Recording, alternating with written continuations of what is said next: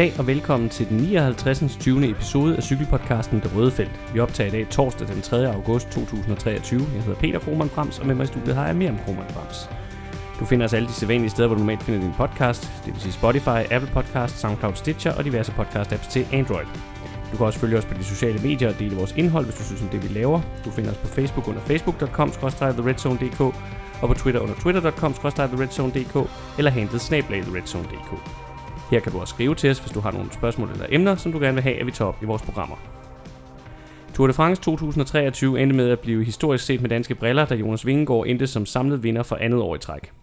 I dag kigger vi tilbage på både Vingegaards præstation, men også de andre flotte danske resultater, duellen med Pogacar og UAE, de andre konkurrencer i løbet, og hvilke hold der kan være tilfredse samt hvilke hold der skuffede over de tre ugers rundtur i Frankrig. Vi runder også kvindernes Tour de France, og så slutter vi af med at varme op til mændenes linjeløb ved VM i landevejscykling, der køres på søndag. Velkommen til. Ja, det er jo efterhånden lidt en uh, tradition, at vi lige skal starte programmet med at komme med en uh, disclaimer eller sådan en lille information i, i forhold til, hvordan programmet kommer til at lyde i dag. Men der er lidt, uh, lidt sygdom, lidt forkølelse i studiet, og uh, ja, derfor så, uh, så, så vil der, det vil måske påvirke lidt, hvordan vi lyder uh, undervejs, og, og det er lidt uh, begge, begge øh, personerne i studiet, der er lidt ramte, så øh, ja, så øh, vi håber, at det går, det satser vi på, det plejer det jo at gøre, Øh, vi har klaret det før. Øh, og det vi jo skal nu, det er, at vi skal øh, samle op på endnu en fantastisk dansk cykelsommer i det franske. Og øh, jeg tænker, at øh, det første, vi skal kaste os ud i, det er selvfølgelig at tale om Jonas Vingegaards øh, samlede Tour de France sejr. Med hvilken han jo skriver sig ind i historiebøgerne som den indtil nu eneste dansker, der har formået at vinde verdens hårdeste cykelløb to gange, og så endda to gange i træk. Øh, det, der indtil anden hviledag i år tegnede sig til at blive den tætteste turduel siden øh, Le Mans-Fignon-duellen i 1989, hvor turen jo som bekendt blev afgjort med kun 8 sekunders forskel. Ja, det endte jo altså i den her omgang med en regulær afklapsning til Tadej Pogacar, som øh, måtte se sig slået med hele 7 minutter og 29 sekunder. Hvis vi lige skal løbe i sådan overordnet set igennem, hvordan årets Tour de France udviklede sig, så kan man jo sige, at øh, på de første dage i Baskerlandet, så kom, øh, og især på den første etape, så kom UAE jo rigtig, rigtig godt fra start, øh, hvor Pogacar med et angreb på de stejle stigninger til sidst jo fik vist, at øh, han var klar til kamp, trods alle de her kvaler eller overvejelser om kvaler, der har været med hans håndledsskade øh, på forhånd. Øh, og så fik øh, holdets nummer to, Adam Yates, han fik jo med øh, ved hjælp af tandemkørsel sammen med tvillingebror Simon Yates øh, taget den gule trøje øh, og også øh, sekunder på sin egen kaptajn Pogacar, Jonas Vingegaard, øh, og han snuppede jo så også den øh, etappesejren den dag, så, så man må sige, UAE de og Pogacar lå jo i en meget fordelagtig taktisk position, hvor Yates kunne, kunne spilles ud som trussel her, når man lige så på, hvordan tingene stod efter øh, den første etape og dagen i Baskerlandet i det hele taget. I midlertid så kom første stød øh, både til den taktiske mulighed og også til Tadej Pogacars vinderdrøm. De kom allerede på 5. etape til Laurent. Øh, her angreb Jonas Vingegaard op mod toppen af den sidste stigning, kaldte Marie Blanc. Det var den her, der havde sådan en meget stejl øh, afslutning. Og Tadej Pogacar, han kunne intet andet gøre end at se danskeren forsvinde i horisonten. Øh, Vingård måtte så efter toppen køre alene i vinden mod målstregen. Der var ikke nogen af de, de udbrydere, der lå ude foran, som han ellers havde hentet, der var interesseret i at hjælpe ham. Øh, så han måtte selv øh, trække hele vejen ind til, til målstregen, mens at øh, Pogacar så bagved fik øh, rekrupperet sig blandt andet sammen med Yates, øh, Adam Yates, og så øh, øh, og så på den måde ligesom kunne begrænse skaderne derfra. Men øh, ikke desto mindre, så måtte sloveneren stadigvæk øh, se sig øh, slået med 1 minut og 4 sekunder af sin danske modstander den dag. Ja, der kan man sige, at der troede vi måske, at, øh, at spændingen i løbet ikke ville blive særlig stor efter den mm. etape. Så man, okay, øh, skal, skal Vingegaard bare afklappe ham hver dag hele vejen til Paris, eller hvad? Men øh, sådan gik det jo heldigvis, synes jeg, forløbet trods alt ikke. Nej, nej det må man helt klart sige, fordi øh, svaret på tiltale, det kom jo allerede dagen efter, hvor øh, Jumbo måske blev en lille smule overmodig. De lagde tryk på hele dagen, og så lancerede de jo et angreb allerede på, på Col du Tourmalet, den næst sidste stigning. Men Pogacar, han gav Vingegaard hammeren øh, til sidst på etappen. Han trådte an op ad målstigningen op til Cotorets, og så tog han både etappesejren og faktisk 28 sekunder øh, tilbage på Vingegaard den dag. Ja, der kunne man måske godt sidde med tanken, at fordi at Vingegaard dagen før havde ligget der alene i vinden og skulle mm. træde hjem efter stigningen med de der udbrydere på træk, som ja. ikke øh, enten ville eller måtte, fordi de havde kaptajner siddende bagved, hjælpe ham øh, mm. i vinden, at han måske fik lidt af regningen for det øh, dagen efter, hvorimod Pogacar jo rimelig hurtigt havde indset, at det var bedre at sætte sig på hjul af mm. blandt andre Adam Yates for at undgå at bruge øh, alt for mange kræfter. Og så tror jeg måske, Visma havde tænkt, okay, han har vist sværhedstegn i går, vi kan lige så godt få ham Mm. ned i sækken, mens han er dårlig. Ja, Og så satte de hele kavaleriet øh, til at køre i front, mm. og så havde han bare en god dag. Ja. Øh, og så, øh, så kan man sige, at Vingård havde på en måde blottet sig, og så, Ja. så fik han kontraangrebet lige i hovedet. Ja, også fordi han kom til at sidde alene, men jeg tror også, der har været nogle overvejelser for Jumbo om, altså til dels det her med, at Pogacar havde set svag ud dagen før, og så var det jo en af bare to dage i år, hvor de kom over de her 2.000 meter tur. Ja. Man var, var en af kun to stigninger, hvor de nåede over de her 2.000 meters højde, som, som der havde været snak om på forhånd, var sådan afgørende i forhold til, hvor man virkelig kunne ramme Pogacar, så det har nok også været en del af de taktiske overvejelser på forhånd. Men man kan så sige, at efter de her to etapper, altså på 5. og 6. etapper, hvor mm. de tog sådan lidt øh, større øh, øh, chunks af sekunder fra hinanden, der Mm. sad de jo egentlig helt frem til anden hviledag, nærmest som klistret til hinanden. Mm. Øhm, og så fik man egentlig, måske frem mod hviledagen, sådan en fornemmelse af, øh, at pendulet svingede en lille smule i Mm. Pogacars øh, retning, fordi på Puy de Dôme, der tog han jo yderligere 8 sekunder på mm. Vingegaard, det var på 9. etape, Ja.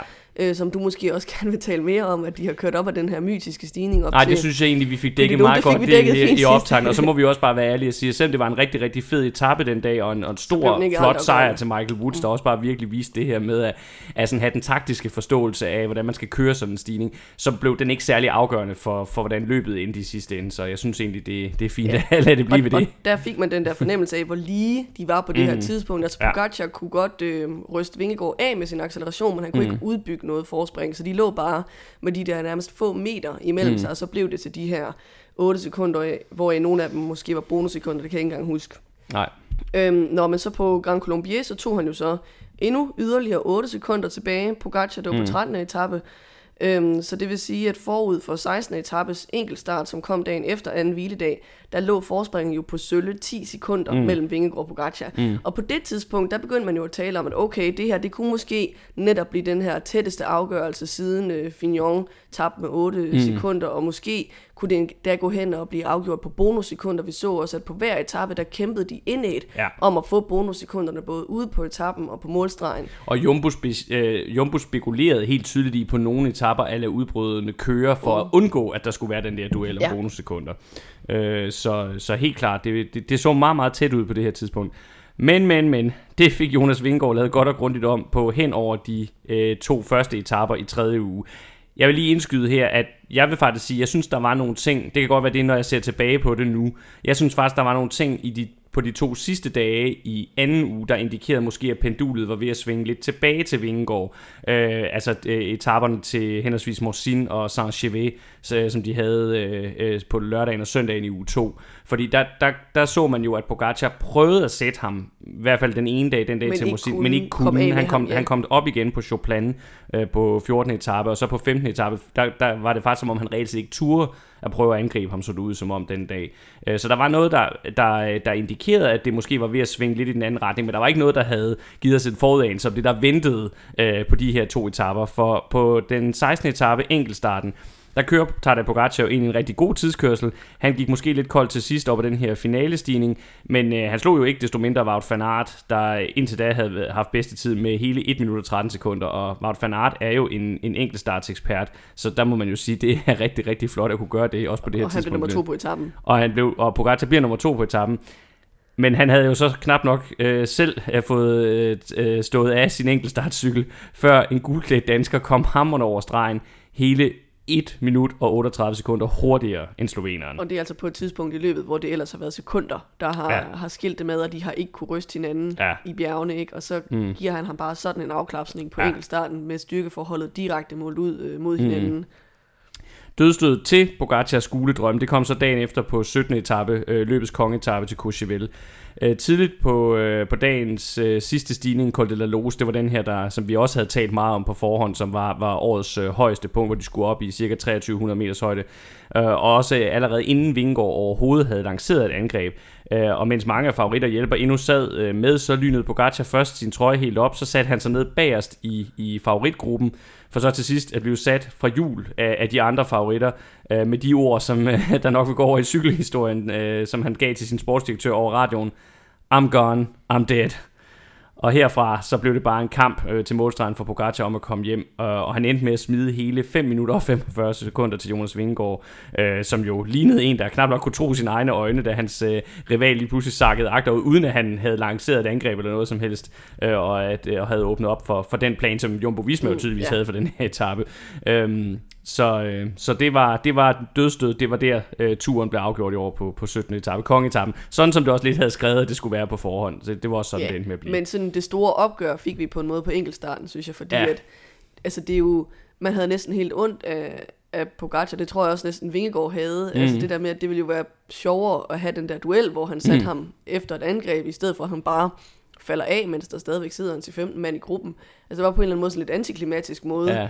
Øh, så jeg synes på en eller anden måde, at, at sådan den, den moralske sejr, den ligger der på 16. Ja. etape, hvor han bare klasker ham på en enkelt start, hvor Pogacar ellers selv er rimelig godt kørende, mm. øh, når man måler ham op imod de andre, ikke? Jo. Og Bingo bare er så overlegen. Det er der, mm. synes jeg, at sådan, den store sådan, forløsning kommer i det her års tur. Jeg synes, øh, Helt enig. 17. etape, det var, det var antiklimaks at se en stor mester gå mm. ned på den måde. Ja, og der vil jeg også bare sige forlængelse af det, at jeg synes et andet sted, at, at den reaktion, der så kommer på, at Pogacar går sådan ned, som han gør på den etape, den viser noget om til dels, hvor vældig han er i cykelfeltet ja. i det hele taget, og også af Vingegaard, og i øvrigt også, synes jeg, man har kunne se efterfølgende af de danske cykelfans i det hele taget. Altså hele den måde, som mange, sådan, også i her i forløbet efter, hvor vi selvfølgelig har hyldet Vingegaard, øh, har talt om Pogacar, den synes jeg har været enormt respektfuld og enormt øh, flot, og, og der blev jo også, øh, da Vingegaard blev hyldet i, øh, i Glyngøre for, for, øh, for en uges tid siden, øh, der blev der jo også, øh, hvad hedder det, uddelt klapsalver til, ja. til Tadej Pogacar, så det siger,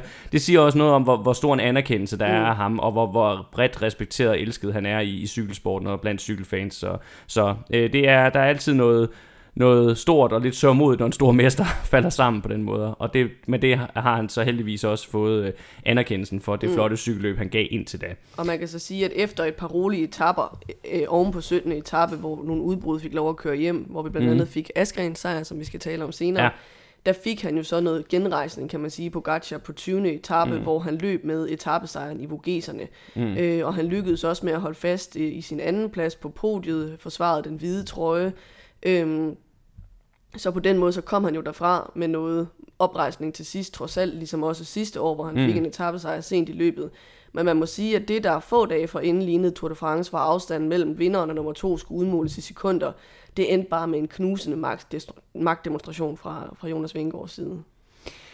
Hvis vi skal kigge lidt på, øh, på taktikken, øh, som øh, de to øh, dominerende og, og øh, favorithold, må vi jo kalde dem, øh, kom med til, den her, øh, til det her løb, så øh, det gjorde vi også lidt sidste år. Så hvad, hvad skal vi ligesom konkludere, når vi kigger på det taktiske øh, i forhold til, til årets Tour de France? Jeg ved ikke, hvor meget man kan sige om det taktiske. Altså, sige, det, der måske først og fremmest er værd at nævne, det er, at der jo efterfølgende er mange, der sådan har spekuleret i, hvad kunne forklare det her kollaps fra Pogacars side. Ikke? Der er nogen, der har talt om, hvad betød det der brækket håndled egentlig.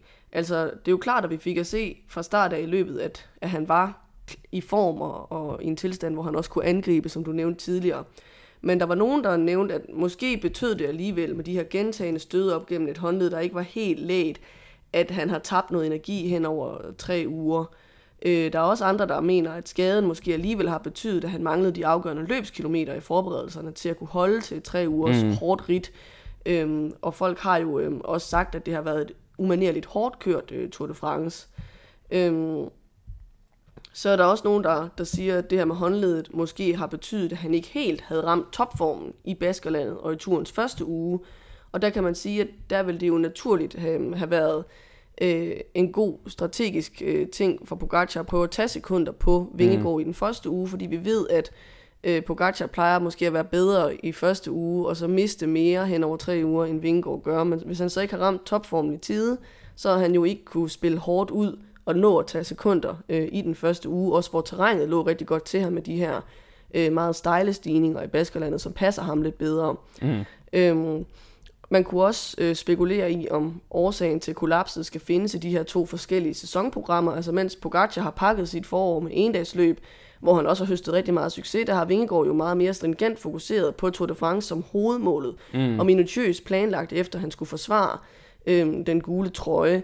Man kan sige, der er jo mange mulige forklaringer at hente i de der forskellige øh, scenarier. UAE vil helt klart lede efter svar i jagten på at finde formlen for at, at knække Jonas Vingegaard, men altså omvendt kan man måske også sige, måske er forklaringen bare, at Vingegaard øh, lige nu er en bedre øh, øh, etabløbsrytter end mm. Tadej Pogacar, der ikke er så mange bortforklaringer, men mere mm. den simple forklaring, at Vingegaard lige nu er verdens bedste etabløbsrytter. Jeg synes uanset hvad, så er der nogle ting, der står tilbage fra det her Tour de mm. France. Mm. Øhm, en ting er, at Tadej Pogacar tabte turen på to dårlige dage, hvor Vingegaard satte ham fuldstændig til vægs. Ja, der er i hvert fald også... en, en dårlig. Ja, okay. Ej, hvis du tager den første pyrenæetappe med, så, så er det to og dårlige også enkeltstarten, fordi der bliver han jo også afklapset. Altså, han plejer ikke at være men... så meget dårligere end Vingegaard på Ej, men han var stadig bedre end alle andre den dag. Altså, mm. der tænker jeg mere bare, det er sådan, der var det bare Vingegaard, der havde en exceptionelt god dag, god ikke ham, der har en dårlig dag. Øh, men lidt det samme, ikke, som sidste år, hvor mm. han også har en total nedsmeltning. Øh, ja. Der er det så kun på en etape, hvor det virkelig går galt. Ikke? Mm. Det sker for ham igen i år øh, så synes jeg, vi må tage med os, at Vingegaard altså lige nu ligner den stærkeste af de to, når de er i direkte duel i bjergene. Mm. Øhm, det er kun lykkedes Pogacar for alvor at sætte Vingegaard en dag i bjergene, den dag, hvor han tog de her 28 sekunder øh, mm. tilbage. Ja. Ellers har vi mere set det her med, at han måske kan accelerere væk helt til sidst. Mm. Men det der med at åbne et hul, og så holde det åbent og udbygge det, det kan han altså ikke over for Vingegaard lige nu. Så synes jeg også, at vi kan tage med, at Vingegaard til synligheden har trænet så meget på sin acceleration, som han jo har fortalt, at han har, mm. har haft som fokus i sin træning, at Pogacar ikke i samme grad kan bruge sin acceleration som våben mod Vingegaard, fordi at han i langt højere grad kan svare igen mm. øh, på accelerationerne. Øhm, og så tror jeg også bare, at vi må sige, at Vingegaard fortsat ser ud til at restituere så meget bedre, at han bare kan knække Pogacar i tredje uge. Øhm, og i den forbindelse, der synes jeg, vi må give credit til både ham og Jumbo Visma for i løbet af de to første uger at tage det helt roligt, at han smed nogle sekunder løbende til mm. Pogacar og bare holde benfort fast i, at hvis bare Vingegaard havde nogenlunde snor i Pogacar på vej ind i tredje uge, selv hvis han var lidt bagefter, så skulle han nok kunne knække ham øh, mm. til sidst, og det fik de jo også ret i. Og der tror jeg, at en mulig forklaring på det her kollaps, vi ser, det kan godt være, ud over alle de andre forklaringer, der har været mm. foreslået, at Jumbo simpelthen har kørt med den her strategi, at hvis de gjorde løbet hårdt hver eneste dag, når der mm. var en mulighed for det, satte et hårdt tempo, så kunne de simpelthen slide ham op, fordi at Vingegaard restituerer bedre. Mm. Ja, og så der må vi jo bare sige, at, at altså, også, og det var jo den fornemmelse, man havde hele vejen igennem, at uh, uanset hvor, hvor bekymrede uh, vi fans eller danskerne derhjemme foran tv var for det her, så virkede det til, at Jumbo de var fuldstændig kolde hele vejen igennem. Altså, der var jo ingen, altså, det er selvfølgelig også Jonas Vingegaards sådan, stil, men, men der var bare ingen uh, rysten på hånden på noget tidspunkt. Mm. Sådan, vi har styr på det her, vi skal nok uh, få det kørt hjem, og, og det viste så, de, så også, at det, det var sådan, det endte. Så, så det må man jo bare have respekt for. De havde en plan, de fulgte den, og det lykkedes. Man kunne også fornemme det på, synes jeg, at, at Pogacar virkede i stigende grad frustreret. Altså også mm. frem til anden hviledag over, at han bare ikke kunne sætte Jonas Vingård tage noget mere tid fra ham. Altså mm. det var klart, at, at der meldte sig sådan en spirende desperation over ikke at kunne komme mm. af med ham, ikke at kunne plante ham på sin acceleration. Ja, det har nok også været sidste år, den måde det løb udviklede ja. sig på, der, der ligesom sad i baghovedet i forhold til det. Og så ja. alt i alt må vi jo bare sige, at, at UAE sidder med noget af en, en hovedpine, fordi at det lige nu, synes jeg, er svært at se, hvordan de skal slå øh, Jonas Vingegaard. Altså sidste år, der talte man om det her med, at Pogacar måske havde kørt lidt under, altså med hovedet under armen. Han havde brændt for meget unødig krudt af i de første to uger, mm. fordi han havde været så vant til at være dominerende. Men selv i år med den her meget mere konservative kørsel, der kunne han jo slet ikke øh, matche øh, Jonas Vingegaard. Øhm, og det er jo svært at finde løsning på, at, at Jumbo kører en taktik, hvor de udmatter ham, fordi han kan mm. jo ikke lade være med at køre med. Nej, nej. Øh, og så bare sige, så tager han bare endnu mere tid. I dag, øh, i dag holder jeg fri. ja, ja. Altså, det, det kan han jo ikke vel. Øhm, han kan ikke lave en Timision og sige, nu tager jeg lige en ekstra hviledag. øhm, for UAE synes jeg, det er, er svært at se præcis, hvordan de skal knække øhm, Jonas øh, Vingegaard øhm, i sådan en en-til-en.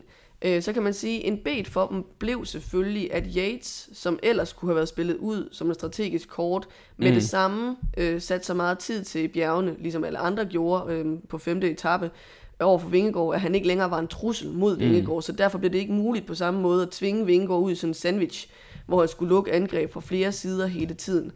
Øhm, og der kunne man jo så godt spørge, skulle UAE have satset endnu hårdere på at vinde turen, og så have taget Almeida og Ayuso med, for at kunne sandwiche øh, Vingegaard. Øhm, men selv hvis de havde gjort det, så ved jeg ikke, om det havde gjort nogen forskel, fordi mm. øh, selvom de begge to er dygtige rytter, og Ayuso måske er en, der kan true Vingegaard næste år, eller om to år, han er jo meget ung, så tror jeg ikke i år, at nogen af dem vil kunne have gjort det bedre end Yates nødvendigvis. Og når man bare har så stort et spring fra nummer 1 og 2 ned til nummer 3, som vi så i det her års tur, så tror jeg ikke, den der sandwich-strategi kunne have virket øh, over for øh, Vingegaard. Så jeg tror, UAE må måske sidde tilbage med, med den der, hvordan pokker skal vi dirk, øh, dirk det her op. Øh, mm. Han virker bare til at være fuldstændig uslåelig. Men omvendt synes jeg også, at man som dansker skal huske at nyde, at Vingegaard har vundet turen, fordi Øhm, lige pludselig, så, så kan der komme en bagfra, som er stærkere. UAE har jo for eksempel Juan Ayuso. Ja, ja. Øhm, og, der, der er en Remco Evenepoel, der melder sig på banen næste år. Lige ja. pludselig, så kan der komme en bagfra, der er bedre. Da ja. Pogacar havde vundet sine første to tours, der snakkede vi om, når er det så de næste 10 år, og så kom der lige pludselig en Jonas Vingegaard, som ja, var bedre. Det. Øhm, så på den måde er det ikke garanteret, at, øh, Ej, at Vingegaard bare kommer til at sidde på den trone de næste fem år. Nej, og der er også sket noget med talentudviklingen i cykelsporten på den front. Altså de her øh, talenter, de, de bliver bare... Øh, man er bedre til at finde dem, man er bedre til at opdage dem, og man er også bedre til at udvikle dem, end man var tidligere. Så derfor så er... Altså, der er intet, der er givet her, og derfor skal vi som, som danskere også virkelig bare nyde, at vi har en turvinder lige nu. Øh, og, og der er ikke øh, nogen... Altså, det kan være... Altså, der var heller ikke nogen, hvis man bare skal gå lidt tilbage, der var heller ikke nogen, der egentlig havde forudset, at Chris Froome ville, øh, at, at hans æra ligesom ville stoppe der, hvor den gjorde. Det synes jeg heller ikke, der var tegn på i forvejen, øh, inden at det så rent faktisk skete. Der var selvfølgelig også noget uheld og så videre involveret, men det er også bare for at sige, den her succes, Vingård oplever lige nu, den er på en eller anden måde midlertidig. Om det er om et år, eller om to år, eller om tre år, eller om fem år, at det slutter, det ved vi ikke. Men det kan slutte hurtigere, end vi regner med. Og man skal i hvert fald ikke bare automatisk antage, at han også øh, står øverst på podiet næste år. Det vil være, øh, det vil være meget, meget øh, at foregribe tingene, vil jeg sige, hvis man gør det.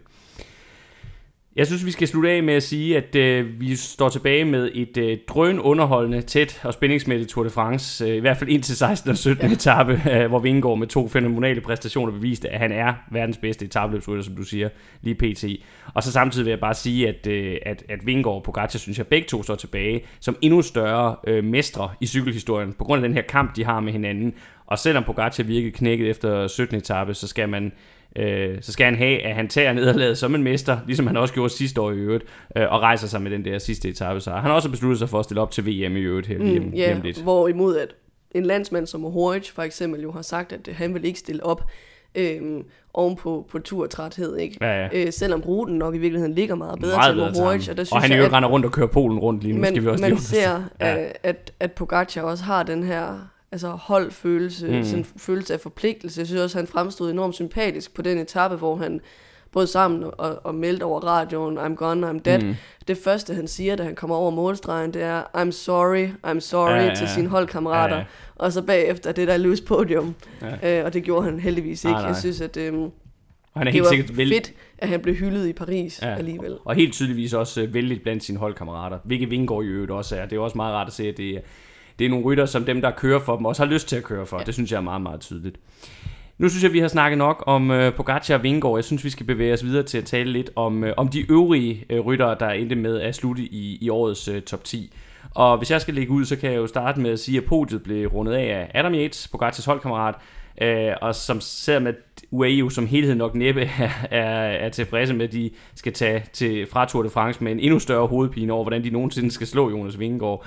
Øh, så kommer de jo altså derfra med øh, anden og tredje pladsen. Pogacar vinder den hvide ungdomstrøje igen, som vi også har snakket om, og de får tre etappesejre, to til Pogacar og en til Yates. Øh, så man kan jo ikke sige, at indsatsen ikke et eller andet sted er godkendt. Altså, det var selvfølgelig ikke det, de, var, de kom efter. De kom efter at vinde, men i, i dens, øh, altså, man, jeg synes ikke, man kan sige, at det har været skuffende uh, Tour de France for UAE. Det vil vi også komme tilbage til, øh, til senere. Uh, og i den sammenhæng, så skal Yates jo også have rus for at tage den her rolle som løjtnant sekundant meget, meget seriøst og have kørt meget lojalt hele vejen igennem. Lige indtil selvfølgelig, eller det var ikke, fordi han ikke kørte lojalt, altså han, han, han støttede Pogacar 100%, og så er der så på 17. etape, der Pogacar så melder ud, I'm gone, I'm dead, så får han jo så at vide, du skal bare køre for at holde din egen podieplacering. Også fordi de jo ikke vidste, hvor meget Pogacar ville ja, gå ned der. At de, de ja. risikerede at miste podiet med Pogacar, så ville det være bedre at få podiet med Yates. Hmm. Øhm, så, og så synes jeg, at, at holdet egentlig samlet set kørte stærkt. Øhm, I hvert fald synes jeg ikke, man kan sige, at Pogacar tabte, fordi at holdet var for svagt til at støtte ej, op om ham. Ej. Man kan måske godt diskutere, dag til dag, om de fik brugt kræfterne rigtigt. Mm. Altså især der, hvor, hvor Yates havde den gule trøje, synes jeg nogle mm. gange, de virkede sådan lidt rådvild med, hvor mange kræfter skulle de bruge. Ja. Øhm, og hvordan skal man bruge det, at man har så stærkt et hold på en strategisk ja. smart måde. Men jeg synes ikke, man kan sige, at det er fordi, han mangler gode rytter omkring sig, på Gacha, så man ellers måske tidligere har kunne sige, at Nå, men Jumbo er også bare et meget stærkere hold. Der mm. synes jeg, vi må sige, at de står nogenlunde lige øh, styrkemæssigt i det her års øh, Tour de France, Helt men Jumbo havde bare en bedre kaptajn. Ja, Øh, og så er der jo selvfølgelig den, du har lavet til lidt hul på den, så kan der være den her diskussion om, om skulle de have sendt endnu flere af deres stærkeste kort øh, med til, til turen. Altså de, de kunne have taget Ayuso og Almeida med også, men, men altså, jeg er også med på, øh, og det er jo ellers også sådan lidt, jeg er også tror nok måske mest mig, der har sagt, at, at hvis de virkelig vil vinde turen nu, så må det være det, de skal gøre næste år. Men på den anden side, man kan sige, der er jo også noget sympatisk, eller i hvert fald noget, respekt for resten af, af cykelkalenderen og resten af de store løb i cykelsporten, udover Tour de France, i at UAE jo siger, jamen vi vil altså også gerne prioritere at være gode i de andre løb, og det er jo derfor, de sender øh, Ayuso og, og Almeida til, til Giro og Vuelta. Ja, de vil også gerne købe sig. de rytter. Ja, også respekt over for dem som rytter, og sige, de er, de er så gode, at de i sig selv, de to, fortjener at være kaptajner. Fortjener at være kaptajner og kan køre med om en Grand Tour så Det kan man sige, det, det kan Adam Yates måske. Det, det er måske lige, lige på grænsen. Det, kan det her han det er den bedste Grand Tour, han nogensinde har kørt. Ja, det er det. Så, og, og alle de andre, der er med i turen, det er jo nogen, man sige, de er gode bjergryttere, mange af dem, men de kan jo ikke selv vinde. Det kan en Almeida og en Ayuso måske, så det er mm. også derfor. Men ligesom, og Jumbo har jo gjort det samme ja. ved at lade Roglic gå efter Giroen, som han så jo også vandt. Ja, præcis. Uh, apropos, at det har været rigtig godt år for, for Jumbo indtil videre, men uh, ja, det er nok noget, vi skal samle op på på et senere tidspunkt. Vi går videre med, med top 10, og der er vi jo så nået til, til fjerdepladsen. Ja, den bliver jo så besat af tvillingebror Simon Yates, som jo også måske havde et af, måske sit allerbedste Tour de France, tror jeg faktisk. Han fik i hvert fald gjort noget ved mm. det her ellers halvdårlige forhold, han jo har haft tur til uh, Tour de France, ja, en form for tur-traume, øh, og sikret øh, så sit hold, Jaiko-holdet, øh, en tilfredsstillende øh, fransk rundtur. Ja, det var nok det næste, altså de kunne selvfølgelig have håbet på en podieplacering, men det var Eller jo... en etappesejr fik ja, de måske heller ikke Nej, det mener jeg ikke. Nej, det gjorde de ikke, fordi Kronevikken vandt ikke nogen ja. Øh, spurter, så, øh, men, men stadigvæk i forhold til klassementet var det nok det, de kunne have håbet på. Ja. Øh, top 5 den runde så af af spanske Carlos Rodriguez Cano fra Ineos, vi insisterer altså på at kalde ham Cano øh, her stadigvæk i podcasten, fordi der jo altså er en anden Carlos Rodriguez i feltet også ud over ham, så det er også lige for at kunne holde, øh, holde dem adskilt øh, fra hinanden. Øh, han blev slemt ramt af et styrt på 20. etape, men kæmpede sig alligevel øh, til sin samlede femteplads. Øh, og selvom det er et, er et stort spring for ham op til, til Vingård og Pogacars niveau, så bliver det spændende at følge øh, den kun 22-årige Spanier i fremtiden. Øh, det var en flot opfølgning, den her femteplads på sidste års uh, top 10 i Vueltaen, og, og han er helt klart et, lige nu et af Indias bedste kort på hånden i forhold til fremtidige øh, Grand Tour-ryttere. Jeg vil dog lige sige, og så skal det også lige tilføje, at han jo faktisk også fik en etappesejr undervejs. Ja. Han vandt jo 14. etape der til, til Morsin, hvor han, han udnyttede, at Vingård og Pogacar, sad de sad og kiggede på hinanden på nedkørslen fra Chopin, og så stak han af, og så fik han etappesejren den dag. Så bestemt flot og godkendt, mere end godkendt vil jeg sige, Tour de France fra hans side. Dog skal det siges, at der går rygter om, at han måske er på vej til Movistar, øh, hvilket jo et eller andet sted giver mening, fordi at Movistar jo er det her spanske hold med, øh, med de store Grand Tour-traditioner, virkelig mangler øh, en rytter, der kan gøre sig øh, i forhold til de samlede topplaceringer i, i Grand Tours lige nu. Og så vil jeg jo lige sige om ham, altså jeg også synes, der begynder at være det med det der med styrt, for han styrtede jo altså også i Vueltaen sidste ja, år. Det var, for meget. Ja, det var også det, der, der gjorde han. Der lå han også der lå han til en fjerdeplads, mener jeg, inden han styrtede, og så endte han til nummer syv. syv ja. Han er god til at fight sig tilbage, men uh, han skal han altså holde sig, han skal holde sig på cyklen. Det, det skal han altså. 6. pladsen den gik så til uh, Pello Bilbao, den 33-årige basker. Uh, han tog også en etappesejr undervejs, og det synes jeg egentlig er sådan en, en rigtig fin sløjfe på, at turen jo begyndte i uh, Baskerlandet. Øhm. Og så er der også hans, øh, hans øh, synes jeg, altså grund til også, at der er noget særligt smukt i, at han fik en etape sig, det er det her. Øh, det er jo meget tydeligt, at, at han som enkelt person har gjort rigtig meget af ja. det her med ligesom at skulle føre sin øh, afdøde holdkammerat Gino Meda, som vi talte så meget om i optagsprogrammet til turen, føre hans minde videre. Han har også øh, øh, taget ansvaret på sig med at køre hans fond. Altså Gino Meda havde jo sådan en fond, ja. øh, der støttede godgørende ja. formål øh, at køre den videre. Så, så rigtig, rigtig flot sløjfe, der også blev bundet i den sammenhæng, synes jeg. Og han endte jo så med at vise sig som øh, Bahrein-mandskabets stærkeste klassementsmand foran blandt andre Jack Hague og Mikel Landa, som måske ellers havde været mere oplagte kaptajner på forhånd. Ja, i hvert fald det, det så ud til i starten. Det var måske også grunden til, at altså, det var flot, at han fik kørt sig tilbage, men det var jo grunden til, at Bilbao jo i starten af løbet lå lidt langt tilbage i klassementet. Ja, fordi han kørte for Landa. Han, han kørte for Landa, og der må vi jo lige, hvis vi lige skal vende Landa, så vil jeg sige... Han klappede helt sammen den her tur. Ja, jeg tror, det er slut med ham i forhold til, til, til top 10, eller i hvert fald topplaceringer i, i Grand Tours, fordi... Øh, det virker simpelthen til, at han ikke har det mere. Mm. Det, det, det synes jeg. Hvis vi går videre til syvendepladsen, så endte den med at gå til Bora-mandskabets kaptajn Jai Hindley. Uh, man må sige, at han lignede jo længe et rigtig, rigtig godt bud på den her tredje plads på podiet, men uh, han var også ramt af et, et slemt styrt undervejs, og derfra så var det, var det ren overlevelse, og i det lys er det egentlig flot, at han ender lidt ala faktisk Carlos Rodriguez Cano i Vueltaen sidste år, han så ender med stadigvæk at kæmpe sig til en plads i top 10, en, en syvende plads i det her tilfælde. Og på den baggrund vil jeg sige, at Bora egentlig ender med at have en, en godkendt tur med en uh, etappesejr til Hindley på, på femte etape. Han vandt den her etape, hvor Vingegaard ja. øh, angreb på den sidste time, men Hindley lå ude foran og, og vinder den dag og tager faktisk den gule trøje, som han så endte med at have en dag, så hvilket jo også er, er en god fjer i hatten til Bora, der jo ikke har haft en super god sæson. Og så får de også en, en yderligere etappesejr, og måske den, den vigtigste øh, flade etappesejr i, i løbet overhovedet, nemlig da Jordi Møs vinder på, på Champs-Élysées.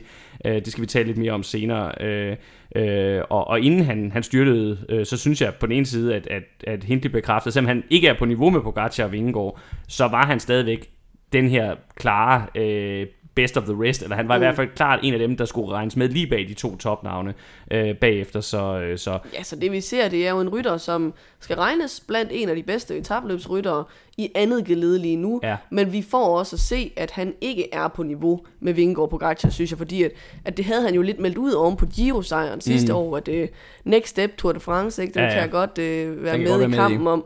Øhm, og det synes jeg, vi får se, det kan han altså ikke. Det Nej. niveau har han ikke, og det er fair nok, for det er der ikke nogen andre end de to, der har. Ikke lige nu i hvert fald, men, øh, men altså han skal regnes med, når han er på startlisten til podiet, og hvis der er løb, hvor en Pogacar en Vingegaard ikke er der, så skal han også regnes med i forhold til de samlede sejre i Grand Tour stadigvæk. Det, det vil jeg sige oven på mm, det her. Yeah. 8. pladsen, øh, Felix Gall, og der får øh, den her unge, endnu unge Østriger endelig sit øh, helt store gennembrud. Altså da han kom ind på World Touren for er det to år siden måske, eller sådan noget. Ja, noget den du. Der, øh, der blev han regnet for et kæmpestort talent, og så har man siddet og ventet lidt på, at han skulle komme, og han er ikke rigtig kommet.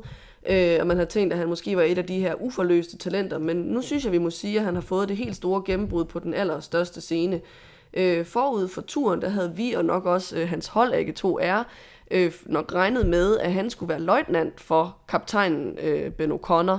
Men mm. efter at OC floppede, så blev rollerne byttet om, og O'Connor, synes jeg egentlig indgik rigtig flot i sådan en lojal hjælperolle mm. over for Felix Gall øh, i bjergene. Det blev undervejs, øh, synes jeg, måske er det det, der skal fremhæves mest, til en virkelig flot etappesejr på kongeetappen, 17. Mm. etape.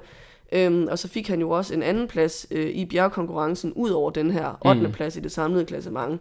Og jeg synes, at det bliver meget spændende at se, om det her var sådan en egentlig svale for ham. Ja. Øh, han havde også et rigtig flot øh, Schweiz-rundt lige inden turen i år. Øhm, eller om han kan bekræfte det her talent til næste år og etablere sig som sådan en, der skal regnes med blandt dem, der kan køre i top 10. Måske en dårligere ende af top 10, men ikke desto mindre kan være med der, hvor mm. det er er sjovt at kan vinde bjergetapper i uh, Grand Tours. Han har faktisk været på World Touren, jeg slog det lige efter siden uh, 2020, uh, altså corona-sæsonen. og, så det er hans fjerde sæson, altså han har været længere om at bryde igennem. Ja, han er også 25 jo, og så må man også sige, at uh, han er et produkt af den her uh, Sunweb DSM uh, udviklingsskole, altså det er jo det, som DSM jo holdet jo er meget kendt for, det er, at de jo har et virkelig, virkelig øh, stort øh, talentprogram, udviklingsprogram, øh, men, men viste slet ikke noget, øh, hverken øh, altså i de sæsoner, hvor han kørte for øh, Sunweb, øh, DSM, de to første år, han havde på World Tour. Der var selvfølgelig også lige en coronasæson der. Men så efter skiftet til til AG2R, så er der altså sket noget. Han havde også lidt resultater sidste år, så i år har det jo været, altså som du siger, det, er jo, det var den helt store overraskelse i top 10 ham her, og det store øh, gennembrud, man vil, hvis vi skal, skal tale om det i forhold til,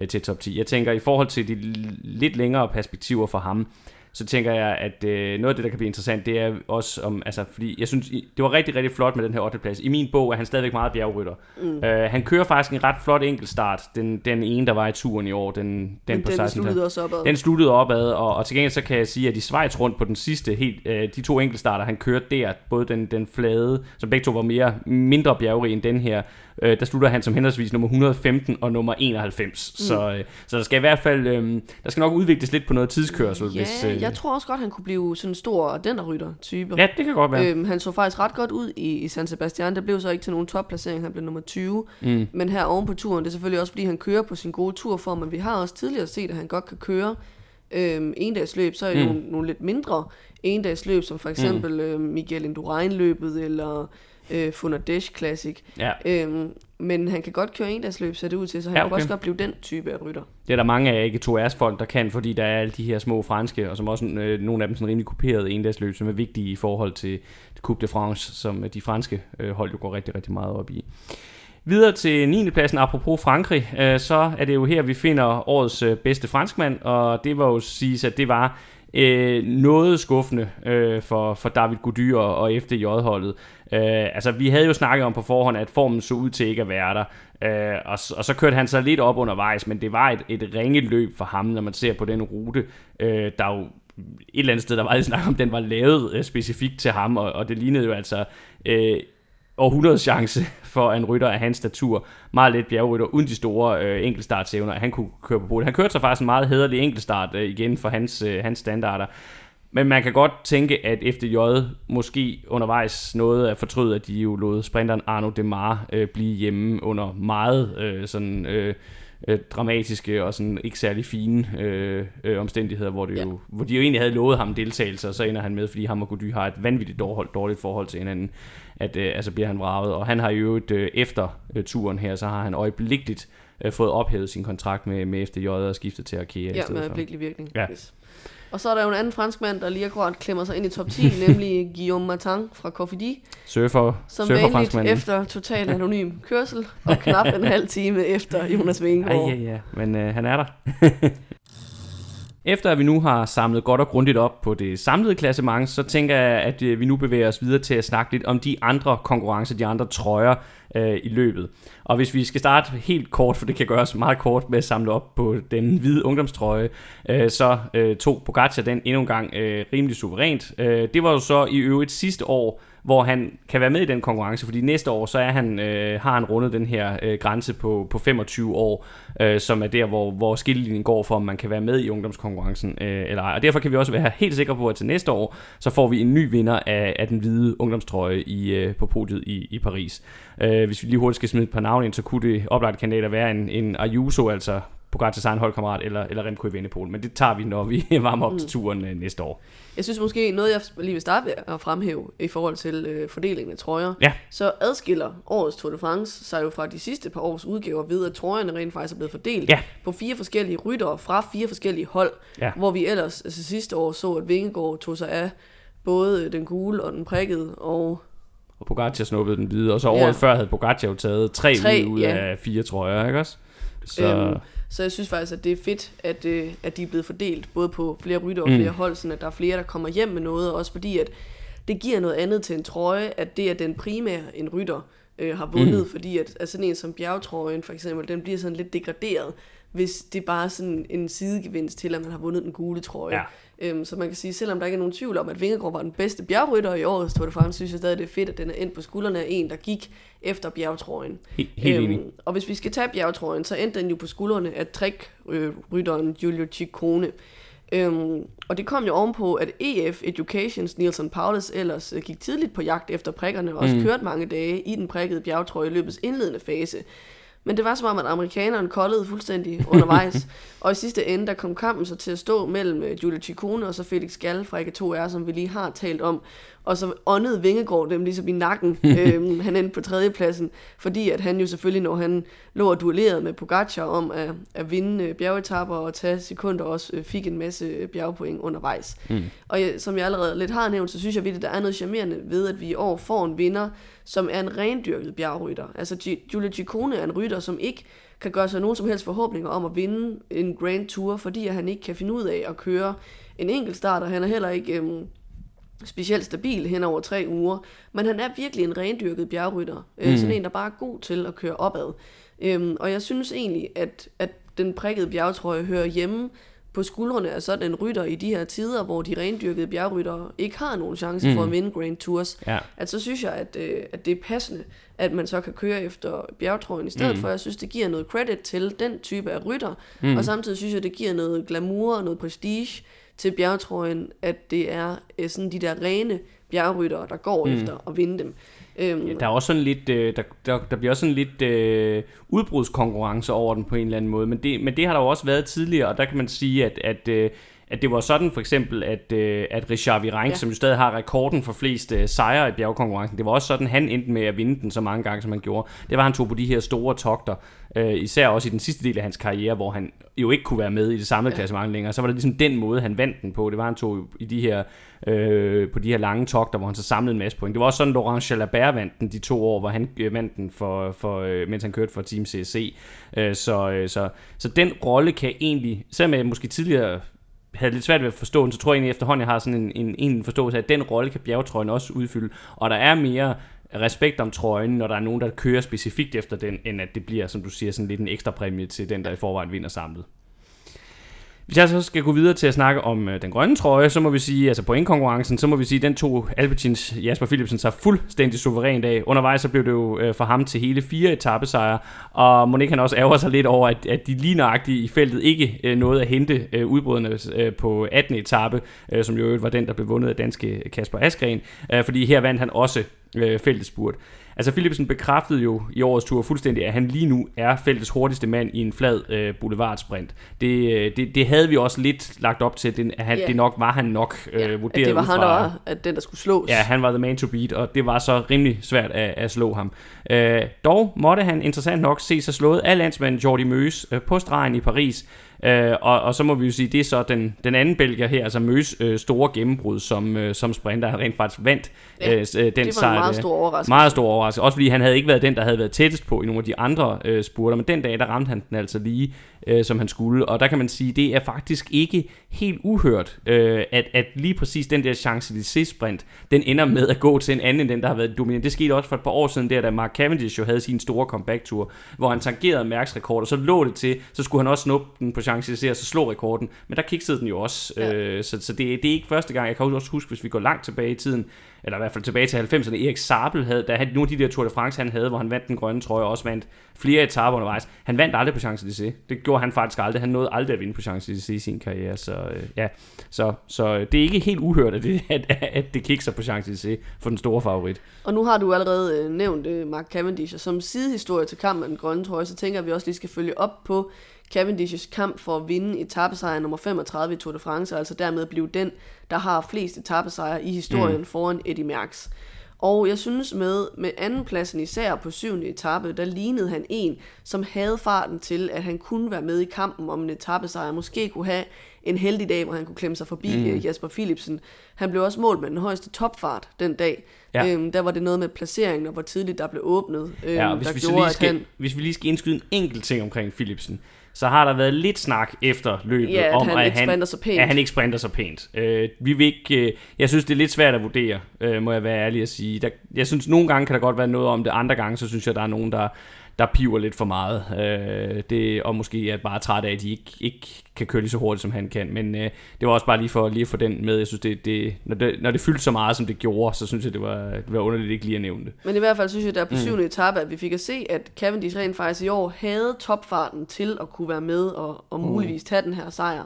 Men han måtte jo så se sine forhåbninger knust allerede dagen efter øh, ovenpå et møde med asfalten, som sendte ham ud af løbet med et brækket kravben. Mm. Og han har jo egentlig annonceret sit karrierestop efter i år, mm. men hans hold Astana har meldt ud, at de er klar til at bakke op om endnu et forsøg på at nå rekorden i 2024. Til den tid vil han så være 39, og det er jo mm. altså lidt en kamp øh, mod alderen, om han bliver ved med at have den her topfart. Ja. Øhm, så om han vil øhm, takke ja til det tilbud for holdet og, og give den et år mere, øh, det ved vi ikke endnu. Nej. Men øh, der er i hvert fald en åben invitation fra, øh, fra Vinokurov og Astana. Altså jeg vil sige, jeg, jeg forstår godt, at Astana laver den invitation også, fordi han har været det eneste, der har været værd at skrive hjem om på deres hold i år, men Øh, men jeg, jeg kan også godt forstå, at Mark Cavendish er en stor rytter. Han har haft en rigtig, rigtig stor karriere. Den, den største sprinter i historien måske overhovedet. Og der går ikke nogen skov af hans karriere for, at, at, han, at han holder sit ord og siger, jeg havde sagt, jeg vil stoppe, det holder jeg fast i, og så går på pension nu.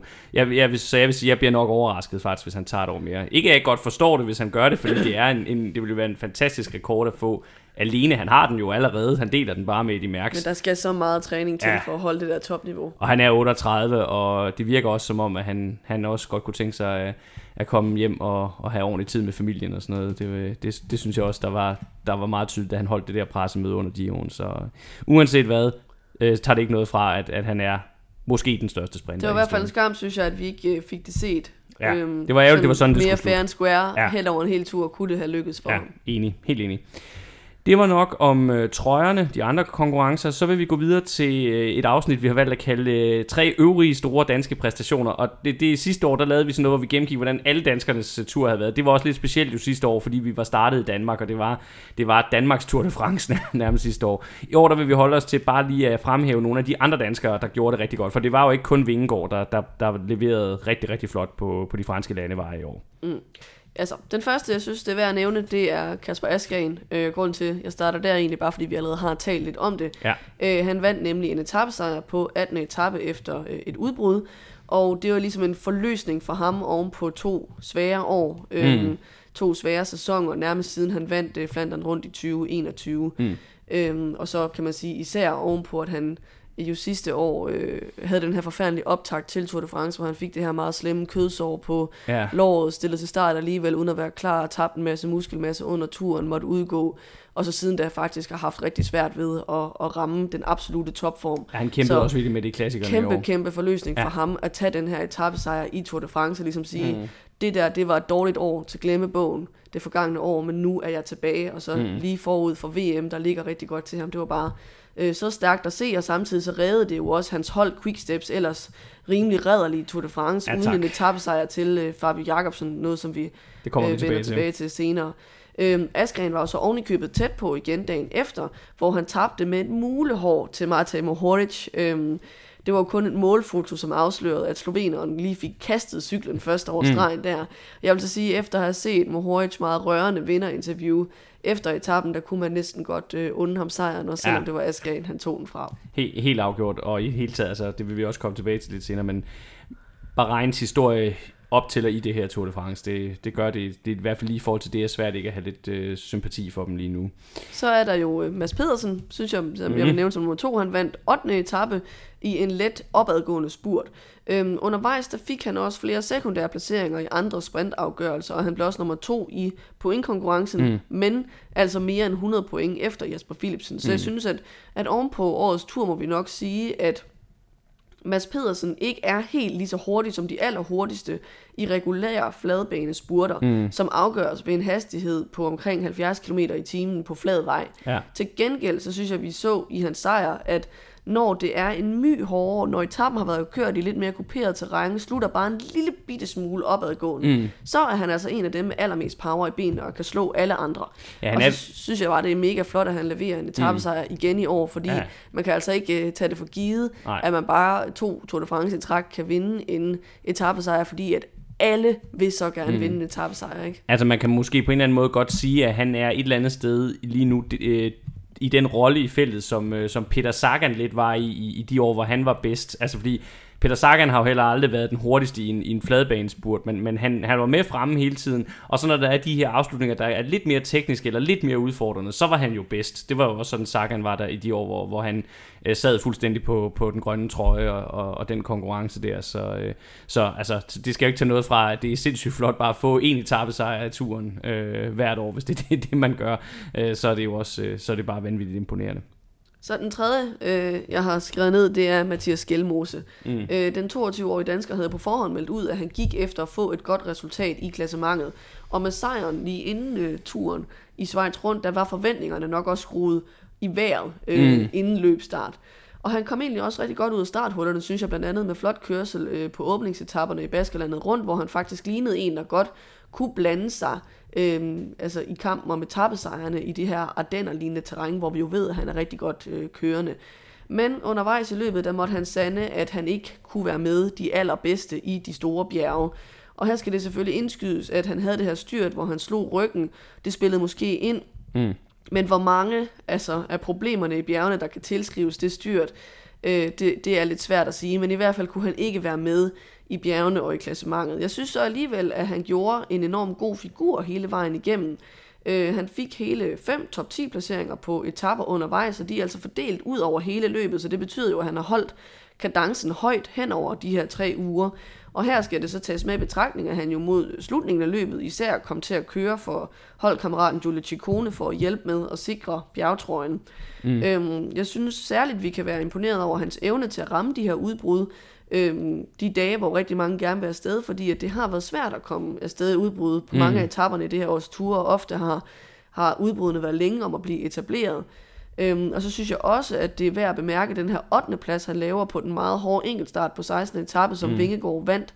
Øhm, fordi den ligger så sent i løbet og er øh, så hård en etape, at han så alligevel formår at køre i top 10 den dag. Enkeltstarten, vi taler ja, om her. Skal enkeltstarten. Ja. Øhm, så jeg synes, at det her med, at han har holdt et højt niveau øh, hele vejen under Tour de France, giver forhåbninger om, at det her med stabiliteten, som han har været meget udfordret af, at det er ved at blive bedre.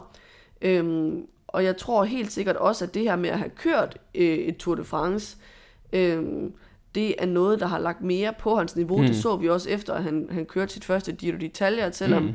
det resultatmæssigt ikke blev til noget for ham, så var det som om, han løftede sit mm. niveau, efter han havde kørt det. Det tror jeg også, vi vil se den her gang, at det har lagt noget på øh, Skjelmoses niveau at køre et Tour de France, og der køre det så flot, øh, som han har gjort. Og jeg er helt sikker på, at, at selvom det måske blev altså ikke helt til lige så meget, som han havde håbet på selv, at så har vi ikke set det bedste fra ham endnu. Helt enig, og så synes jeg også bare, det var fedt at se Dannebrogstrøjen være så flot, øh, have markeret, eller vise sig så flot frem i, i hele det her Tour de France. Altså, øh, det er jo ikke fordi, vi ikke har haft Dannebrogstrøjen med de sidste par år, men det er bare det der med at se den der flotte trikot, som jo er mega flot, og der må man bare give uh, credit til Little Trek, for de altså ikke prøver at pakke deres, uh, deres øh, nationale mestre uh, ind i sådan et eller andet uh, sponsorvenligt design. Ja, okay, der var lige et meget stort lille logo lige i midten af Dannebro, men altså stadigvæk, jeg synes, at han bar den trøje utrolig flot, og, og det er jo kun dejligt, at han har den hele det næste år, fordi vi kan jo nok regne med, at det, at det bliver han ved med, uh, også specielt når vi snakker næste år, og den og klassikerne bliver rigtig, rigtig spændende uh, på den konto, tænker jeg.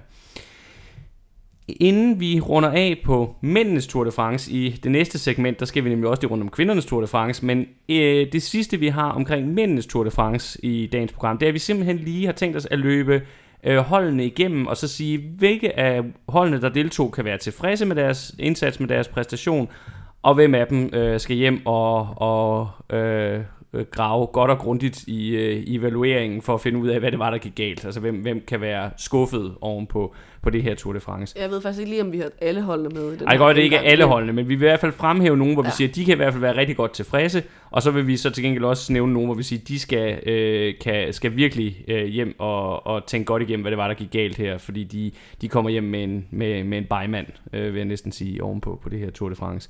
Men lad os starte med det positive, og man kan sige, at det første, den, det er helt oplagt, det er selvfølgelig Jumbo Visma.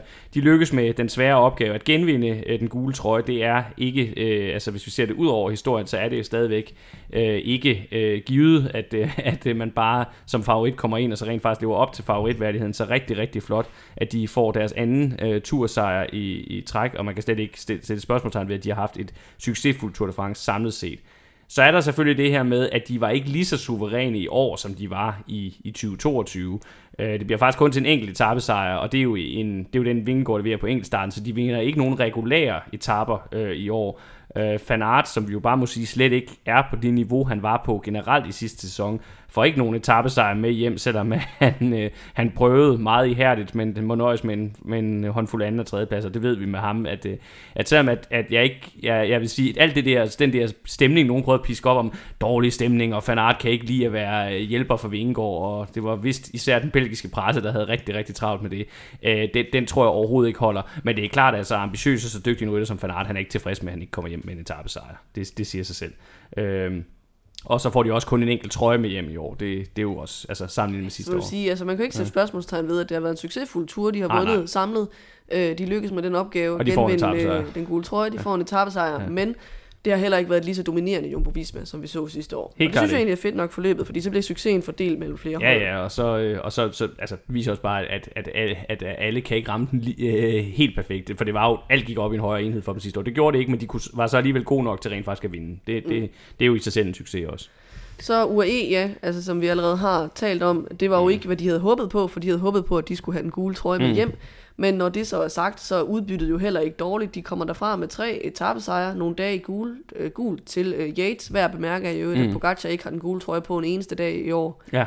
Øhm, så får de anden og tredje pladsen samlet, øh, og, det, øh, og så den hvide trøje ikke, til, til Pogacar. Og det er ja. jo be, bestemt heller ikke øh, skuffende udbytte. Nej, det er mere end godkendt. Det er, det er rigtig, rigtig flot. Øh, hvis man, når man ser det på øh, sådan i, i faktuel, altså hvad har I rent faktisk fået med hjem, så er det super godt. Så vil jeg tage fat i Ineos, som jeg faktisk synes, øh, også når vi, når vi sådan lidt taler om, hvad vi havde af forventninger til dem på, på forhånd, så synes jeg faktisk, at de kan se tilbage på en, en rigtig, rigtig tilfredsstillende øh, tur. Øh, selvom de ikke får en plads øh, på podiet i år, øh, så øh, øh, får de jo øh, to øh, etappesejre med hjem. Først en til, til bundsolid Michael Kwiatkowski, der jo bare viser, at øh, selvom at at det altid vil være en diskussion med ham, om han har fået det ud af hans øh, karriere, som hans talent berettiget til, øh, så har han bare noget, noget bundniveau, som når han får lov at køre sin egen chance, så, så, så kan han levere de store, et stort resultat, og det gjorde han også øh, i år med den her etappesejr. Øh, og så var der jo, som vi allerede har talt om, det unge talent, øh, Carlos Rodriguez Cano, øh, som får den samlede femteplads og også snupper en etappesejr. Ja, og de første to uger, der så det jo så egentlig ud til, at uh, Tom Pitcock også kunne køre med i klassementet. Mm. Men jeg synes, at i tredje uge, der fik vi alligevel begrænsningerne at se. Han ender som nummer 13, samlet hele 47 minutter og 52 sekunder efter Jonas Vingegaard. Mm. Så, så selvom at det er spændende, og han, han er dygtig til at køre opad, som vi også så uh, sidste år, så er det måske alligevel ikke det her med Grand Tour-konvertering, mm. han skal satse på. Han er selvfølgelig stadig ung, så hvis han rigtig gerne vil, kan han måske godt arbejde på det og få mere stabilitet mm. ind. Men umiddelbart vil jeg nok hellere se ham sat rendyrket på at blive en rigtig dygtig klassikerrytter. Ja, ligesom øh, de andre, ja. der er kommet fra crosssporten, har, har, har gjort. gjort. Ja. Altså, man kan sige, måske det vi ser med Pitcock, det er lidt det der med, hvad, der har været den her diskussion, hvad nu hvis Van Aert gik 100% ind på, på klassementet? Var det så måske også det her i virkeligheden, der vil være... Det kan vi jo ikke vide. Nej, det ved vi ikke, men det, det var også bare lige for, apropos at, at nævne det. Den sidste, jeg lige synes, vi skal rundt om i forhold til Ineos, det er ikke en banal, øh, hvor vi må sige, at, øh, at jeg synes stadigvæk, pilen peger opad for ham efter den her tur. Altså, han dedikerede sig jo, må vi sige, hvilket jeg også synes er super flot, at så stor en, en mester med så flotte resultater, altså tidligere turvinder, dedikerede sig fuldstændig til at hjælpe sine holdkammerater, for, øh, fordi det jo hurtigt stod klart, at han ikke selv kunne være med blandt de bedste. Og der er selvfølgelig stadigvæk langt, lang vej op til det niveau, han havde, da han vandt turen tilbage i, i 2019. Men, øh, men øh, igen, det, det er et skridt på vejen, og, og, og altså, han har stor ære af den måde, han kører det her Tour de France på. Han sidder også med dybden i finalerne som hjælper. Ja, øh, så præcis. det viser jo bestemt, at at han har taget skridt i den rigtige ja. retning mod at genfinde et gammelt niveau. Det må vi se, om han kan, men det går i hvert fald stadigvæk den rigtige vej, synes ja. jeg, med Bernal. Ja. Så er der Bora. Øh, jeg synes, altså, det var ærgerligt for dem med Hindley styrt og fald ned fra podiet. Det kunne godt være blevet til mere. Mm. Øhm, men en samlet syvende plads, en dag i gult, to etappesejre, en af dem på Champs-Élysées. Det synes jeg sådan set er godkendt. Det kunne være blevet bedre mm. i klassementet, men, men under omstændighederne, styrt kan man ikke rigtig gardere Ej. sig imod. Det er i hvert fald vanskeligt øh, så synes jeg sådan set, at det er et fint udbytte, de kommer hjem med. Og jeg synes et eller andet sted, at de i hvert fald så rigtigt ved ikke at tage Sam Bennett med. Det synes ja. jeg også ovenpå på det her, der kan vi godt konkludere, at, øh, at det var den rigtige tilgang, de valgte at, at gå ind til turen med ved at, at vælge ham fra. Også nu, når Møs rent faktisk kommer hjem med en etappesejr. Så er der det franske mandskab Kofidi. Det er sjældent, at vi fremhæver dem for noget positivt.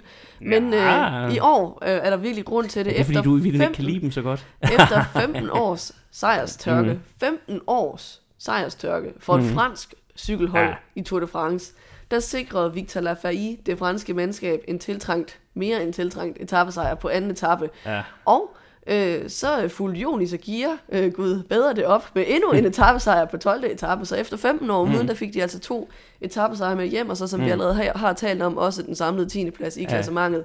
Jeg synes, at der er virkelig grund til at være tilfreds mm. på Kofidi-mandskabet. Altså den der investering i Jonis Aguirre, da de, da de lavede den, der kan jeg huske, at der, der synes jeg, vi fremhævede og sagde, det, det var et fornuftigt køb, hvor jeg, der var nogle andre, der sagde, ah, er han ikke lidt over the hill og sådan noget, hvor, men øh, jeg synes, at den investering har været fuldstændig genial for Kofidis. Det har de fået det, noget nær det optimalt ud af, når man ser på, hvor han er i sin karriere lige nu. Altså han kører resultater hjem til dem, og det, det var det, han blev hentet for, så det, det er super.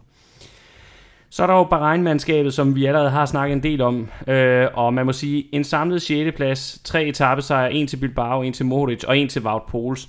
Det er mere end godkendt og vigtigt for det her hold, der jo altså fik den, den værst tænkelige optakt til turen med, øh, med Gino Meders øh, tragiske død i, i Schweiz rundt lige, øh, lige op til, til den, den franske Grand Tour.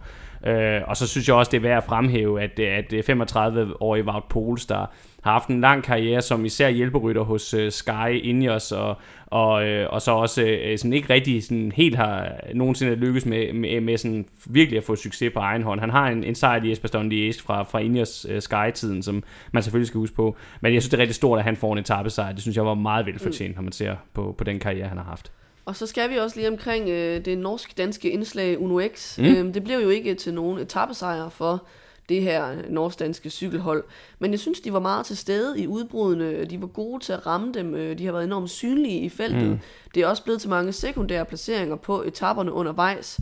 Øh, så jeg synes, at, øh, at mandskabet virkelig har meget ære mm. af, af Tour de France. Jeg synes også især, at, at danskerne, at Gregor gjorde en rigtig god figur og var ja. med øh, i nogle udbrud, hvor han sad med øh, langt ind på etaperne og så, så mm. fin ud i bjergene. Mm. Øh, til gengæld så synes jeg, at Christoph, Alexander Christoph, kaptajnen, lignede en, som er over the hill nu mm. i sprinteropgøren, og vi så det også til sidst på Champs-Élysées-etappen, at de øh, lagde, lagde det om, sådan at Christoph skulle køre lead out for, for Søren Værenskjold. Han kunne så alligevel ikke være med, Værenskjold. Øh, men jeg synes, at, at vi måske fik set, at øh, nu er det også øh, slut med den tid, hvor den gamle nordmand han kan være med blandt ja. de allerbedste. Apropos, man altså på et eller andet tidspunkt som sprinter, så rammer man muren, og så kan man ikke, øh, så kan man ikke være med mere.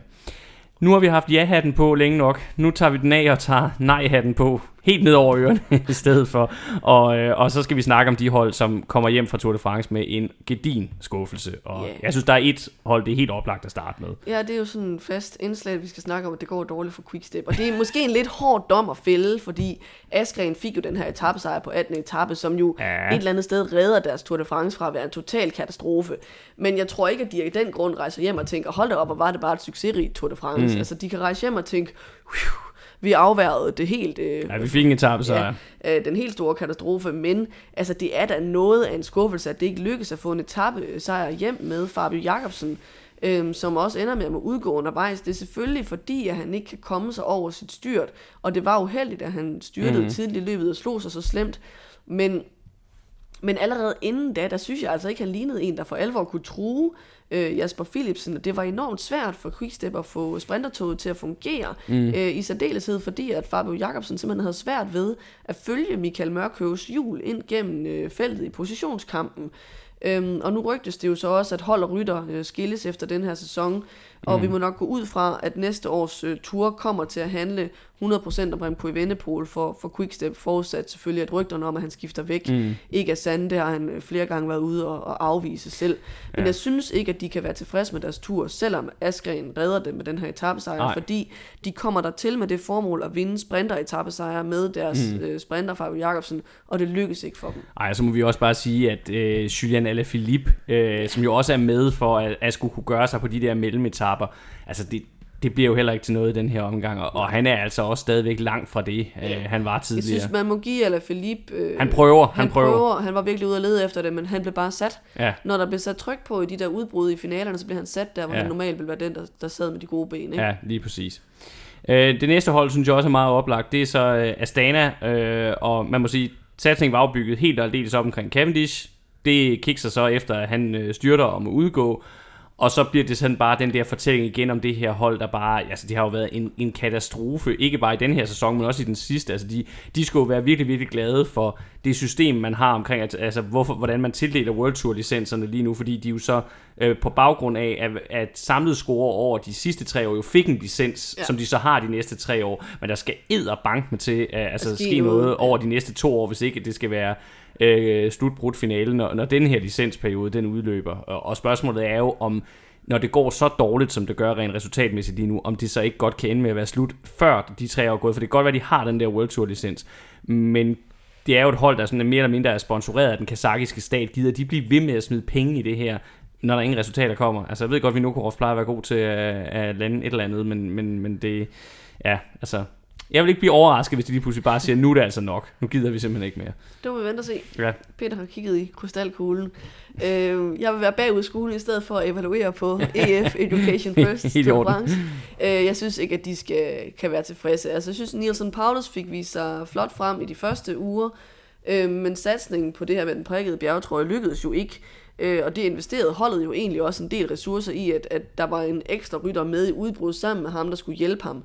Øhm, og det blev så ikke til noget med den her øh, øh, trøje. Og så samtidig så kommer de derfra uden nogen etappesejr. Øhm, Magnus Kort kunne heller ikke rigtig følge op øh, på sidste års flotte øh, Tour de France. Øhm, og, og så kan man sige, at det bliver selvfølgelig heller ikke bedre af, at deres klassementskaptajn Richard Carapaz måtte udgå på første etape på grund af ja. et slemt styrt. Øhm, Chavez må også udgå. Chavez udgår undervejs, så, så forudsætningerne var selvfølgelig heller ikke vildt gode, men måske mm. det set i bagspejlet havde været bedre, og at sådan en som Paulus havde brugt kræfterne på at jage en etappesejr, i stedet mm. for at gå efter at jage prikkerne. Man kan lige sige omkring kort, at der er der nogen, der har talt om efterfølgende, det måske har noget at gøre med, at han i år også kom med et, et, et helt, øh, en helt sivt detaljer ja. i, i benene. Det, det havde han ikke sidste år, og, og det er hårdt at køre to Grand Tours øh, i træk. Yes. Det, er der ikke, øh, det er der ikke mange rytter, der formår at at gøre med, med, med topresultater i begge løb. Der må jeg sige, og der skal man sige, jo, Mads P. kørte også øh, Gio, men han udgik han jo undervejs, ja. så han har fået noget længere pause inden, øh, inden turen. Øh, apropos rytter, der udgik tidligt af det her øh, Tour de France, så hopper vi videre til Movistar, og de havde øh, bygget hele holdet op om, at Henrik Mas skulle gøre sig i det samlede klassement, øh, og han udgik jo også allerede på første etape i det her styrt, hvor, hvor Carapaz også var, var nede. Øh, og, og det er som om, at, at, at turen og Mars, i hvert fald hvis vi ser på de sidste par år, så ligner det øh, sådan en ulykkelig kærlighedshistorie, der aldrig ender rigtig godt. Og der er jo også snak om, at, at Movistar nu begynder at kigge andre steder hen i forhold til deres øh, øh klassementssatsning end, end Henrik Mars, øh, hvilket jeg vil sige, jeg synes jeg er forståeligt. Det er, det er meget få resultater, han laver uden for Spanien. Så kan vi vende blikket mod øh, Intermarché, Wanty-holdet. Mm. Øhm, og de havde jo sidste år en virkelig, virkelig overraskende god sæson, og i år der har de bare ikke rigtig, synes jeg, kunne følge op på de her positive overraskelser. Øh, Louis Menches lå okay til uden for top 10, inden han så måtte udgå i det der kæmpe styr, der var i begyndelsen af 14. etape, hvor der var rigtig mange rytter, der var i mm. asfalten, som også betød, at løbet måtte neutraliseres i en halv times tid, før der var styr mm. på alting igen. Men altså, han udgik, så de fik ikke engang noget, der sådan var i omegnen af top 10 i klassementet, og Binyam Girmay, holdets egentlige kaptajn, han kom aldrig rigtig tæt på i spurterne. En tredjeplads øh, blev det bedste resultat, mm. så jeg synes, det er lidt skuffende for dem. Ja, meget enig, og i det hele taget må vi sige, at de der ryttere, som skulle have gået efter sejrene på mellemetapperne, altså hvis det var blevet en mere samlet afslutning, de, de havde svært ved at få succes i det her løb. Altså, øh, jeg tror, at Mathieu van der Poel kommer hjem og er meget tilfreds, fordi han var virkelig øh, central i at hjælpe Jasper Philipsen til de sejre, Jasper Philipsen fik. Men, men hans egen chancer, de, de gange han selv prøvede at køre efter det, det, det kom der ikke rigtig noget af. Jeg ved godt, det ikke handler om Intermarché, men øh, det var bare lige, det kom bare lige til mig, det, det var lidt samme historie. Altså, det blev aldrig rigtigt. Der, det lykkedes aldrig rigtigt. Øh, jeg vil gå videre til at snakke om, om DSM, øh, og det var jo øh, bygget op omkring i år, at, at det var 32-årig Bardet, Roman Bardet, der ligesom øh, øh, skulle, være, øh, skulle gå efter et, et samlet resultat igen. Øh, og han lå lige uden for top 10, øh, da han så også måtte udgå efter et styrt på 14. etape. Ikke det her store styrt, der var i starten af, af etappen, øh, hvor Menches, som vi lige har snakket om, røg ned. Øh, men øh, han styrtede sig senere på etappen, og det lignede han, jeg tror han, havde, han lignede en, der igen havde fået øh, hjernerystelse. Det er ved at være et tilbagevendende problem for, for ham. Og, og inden da, må vi så også bare sige, der havde vi allerede set en bare det, som har øh, som jo i sin bedste år var hovedudfordrer til Chris Froome og har en anden plads i, i turen, som er det, det bedste franske øh, resultat i, i, i nyere tid, at øh, øh, han har bare svært ved at være med blandt de bedste i klassementet. Selvom at det, det ikke ser lige så skidt ud, som det gjorde i starten af sæsonen i år, hvor han, hvor han klagede over, at de unge kørte for stærkt, så, så er han bare ikke, øh, så er han bare ikke der, hvor han var tidligere. Og så må vi jo også sige, at at øh, deres sprinter Sam Welsford, han virkede altså øh, overmatchet i, i spurterne mod de hurtigste. Øh, for der er faktisk kun en dag, hvor han ender i top 10. Så. Ja, og der er han jo ellers tidligere på sæsonen lignet en, der sådan overraskende godt kunne, kunne køre med blandt ja. de bedste, men det var han slet ikke i nærheden af Nej, i turen. overhovedet ikke her, det må man sige. Hvis vi så skal gå videre til noget mere sprinterfiasko, så Lotto Destiny havde jo øh, sat deres lid til sprinteren Caleb Ewan, og de første sprinteretapper, der synes jeg egentlig, det så overraskende godt ud med ham, fordi han har haft en dårlig sæson. Men han fik både en anden og en tredje plads. Øh, men så måtte han jo så udgå øh, på 13. Øh, etape med uforrettet sag og uden etappesejr. Der har været en del muren i krone på holdet bagefter, øh, om at han sådan undervejs har skældt ud på alle sine holdkammerater og været mm. en dårlig leder, ikke vil tage noget ansvar på sig selv for, at det, det gik dårligt. Øhm, så der er helt klart utilfredshed med ham, både med hans manglende resultater og med den måde, han håndterer det på, og med, at han er en dårlig leder øh, mm. på holdet. Øh, så jeg synes, det er spændende, om hans og holdets veje kommer til at skilles efter den her sæson, selvom han har øh, et år mere på sin kontrakt. Øh, og så vil jeg sige, total uh, Tour de France, der er gået i vasken for dem, fordi de har bare ikke fået nogen resultater med hjem. Nej, de endte måske, selvom at, at jeg tror, det er sådan i forhold til, til hans optag, måske var, var var klogt nok, de ikke tog ham med, så kom de måske til at savne sådan en som, en som Andre, Kron, ja, Andreas. Kron for eksempel, som, som måske kunne have lavet noget på, uh, på, på, mellem, egen hånd, på egen hånd ja. på Mellemetaven. Det havde de bare ikke rigtigt, da, da Juren ikke uh, var der. Eller, eller også uh, ærger de sig måske over, at, uh, at de ikke tog den unge Arno det lige med i stedet for. Som, som backup, ikke? Ja, som, som backup eller et eller andet. Ja, øh, men uh, ja, det, det var i hvert fald også rigtig skuffende øh, løb for, for Lotto Destiny, ingen tvivl om det. Så de aller sidste, og dem tager vi lige under et, som vi vil nævne, det er de to franske hold, Total Energy, som jo var der på et, et garanteret wildcard, og så øh, Arkea Samsic, som jo er, er blevet World Tour hold. Og der må vi bare sige, de var totalt usynlige. Altså netop hvis man sammenligner med Uno X, øh, det dansk-norske hold, så var øh, Total Energy og Arkea totalt usynlige, og det er simpelthen bare ikke godkendt for som fransk hold at være så lidt øh, til stede øh, i, i øh, det her verdens øh, største cykelløb, som er deres hjemmebaneløb. Det, det er simpelthen bare ikke godt nok. Øh, en rytter, der måske der trods alt fik vist sig lidt frem, det var den unge franskmand Mathieu Burgodeau øh, fra Total Energy. Han var med i flere udbrud og, og fik øh, en anden plads på, på 12. etape. Øh, men, men det er jo langt fra nok til at opveje for, hvordan helhedsindtrykket er, og man må jo bare sige, at det er øh, en meget, meget anonym afslutning på Tour de France-karrieren for 33-årige Peter Sagan. Altså fuldstændig usynlig, og han lignede også undervejs en mand, der, der bare var der, fordi at, at han havde en kontrakt, han skulle leve op til, og, og så, så, da, så da han kom i mål i Paris, så fik han en glas champagne, og så var det det. Altså, der har man set ud det der med, hvis, hvis du virkelig ikke har, altså en ting er, om han, om, at han måske ikke er den rytter, han har været, men hvis du heller ikke har motivationen længere, så er det måske bedre at stoppe, mens lejen er god, ikke også? Altså, fordi det, det, jeg synes, det er blevet sådan lidt, et lidt pinligt exit et lidt pinligt han sidste sæson. Han noget før. Øh, for for det, det er jo hans sidste sæson, og ja. en lidt pinlig sidste sæson for, for ham. Så er vi igennem vores evaluering, vores opsamling på årets fremragende, vil jeg stadigvæk sige, uh, Tour de France. Det aller sidste, vi lige skal, det er, at vi selvfølgelig lige skal have fuldt op på vores uh, lille uh, top 10 uh, vinderbuds, vinderbuds konkurrence. Uh, og det gør vi ligesom vi gjorde efter Sion med lige at løbe igennem dem der blev uh, dem der endte i top 10 hvordan havde vi uh, skudt på dem jeg vil sige vi var rimelig rimelig okay i forhold til at ramme hvilke rytter det var der endte i top 10 vi har begge 7 ud af 10 ikke? vi har begge 7 ud af 10 hvis vi ser på sådan samlet set hvor mange af de rytter vi havde nævnt på forhånd der der øhm, der så er endt i top 10. Men vi gennemgår det simpelthen lige og siger, dem der er endt i top 10, hvordan havde vi skudt på dem i forhold til, hvor, hvilke point det så giver. Uh, og vi starter fra toppen. Jonas Vingegaard ind som vinder. Det havde jeg tippet ham som. Du havde tippet ham som toer. Og så kan vi tage den omvendt og sige, du havde selvfølgelig tippet Pogacar som vinder, hvor jeg havde tippet ham som toer. Og han ender med at blive nummer, nummer to. Så, uh, så det, uh, ja. Så det, hov, det betyder faktisk, at jeg skal have et point mere, kan jeg se, end jeg egentlig lige har skrevet op her. Uh, Nå, det, det tager vi senere. Øh, på tredjepladsen har vi Adam Yates. Øh, ham havde jeg tippet som femmer, du har tippet ham som sekser. Det giver et point til hver, det er fint. Og så havde vi ramt fuldstændig rigtigt på Simon Yates. Ham havde vi begge to tippet som nummer 4. Det var også det, han endte med, så, øh, så det må vi sige, det var meget godt ramt. Øh, på femtepladsen havde vi Rodriguez Cano. Øh, ham havde jeg slet ikke i top 10. Jeg troede mere på, øh, på Banal øh, som den bedste mand for Ineos. Så øh, godt set af dig, vil jeg sige. Du havde ham som nummer 7, så det er jo rimelig, rimelig tæt på. Han ender med faktisk at, at gøre det lidt bedre end det, så Øh, øh, godt set der også. Øh, Bilbao havde vi begge to i top 10. Jeg rammer ham som helt rigtigt. Jeg havde tippet ham som 6'er. Det var også det, han sluttede som. Du havde ham som nummer 8. Hindley havde vi begge to tippet til at blive nummer 3. Han ender som nummer 7, så vi havde ham begge to men, øh, i top 10, men ikke som men noget højere. Men der var også det her styrt, som vi har snakket om. Øh, og så er der to mand, vi ikke havde budt på i top 10, det var Gal, som var den helt store overraskelse, og så Kudy øh, på henholdsvis 8. og 9. plads. Dem havde vi ikke. Nogle af os gættede på vel i top 10. Og så på 10. pladsen har vi så Matang, som jeg faktisk havde budt på til at slutte som nummer 9, og du havde ham så ikke, ikke i top 10. Så, øh, så det, det var sådan, øh, vi havde gættet i forhold til, hvem der rent faktisk endte i, i top 10. Lige hurtigt skal vende dem, som nu en af os havde budt på hver især men som ikke øh, sluttede i top 10, så kan man sige, Mars, Carapaz og Menches, de udgik alle sammen, det har vi øh, nævnt, vi har snakket om, om det i alle tre øh, tilfælde. Øh, ben O'Connor havde vi faktisk begge to i top 10, han floppede så, men endte jo så med at, at blive erstattet, kan man sige, af, af Gal, som han også kørte øh, flot for i den sidste del af, af turen.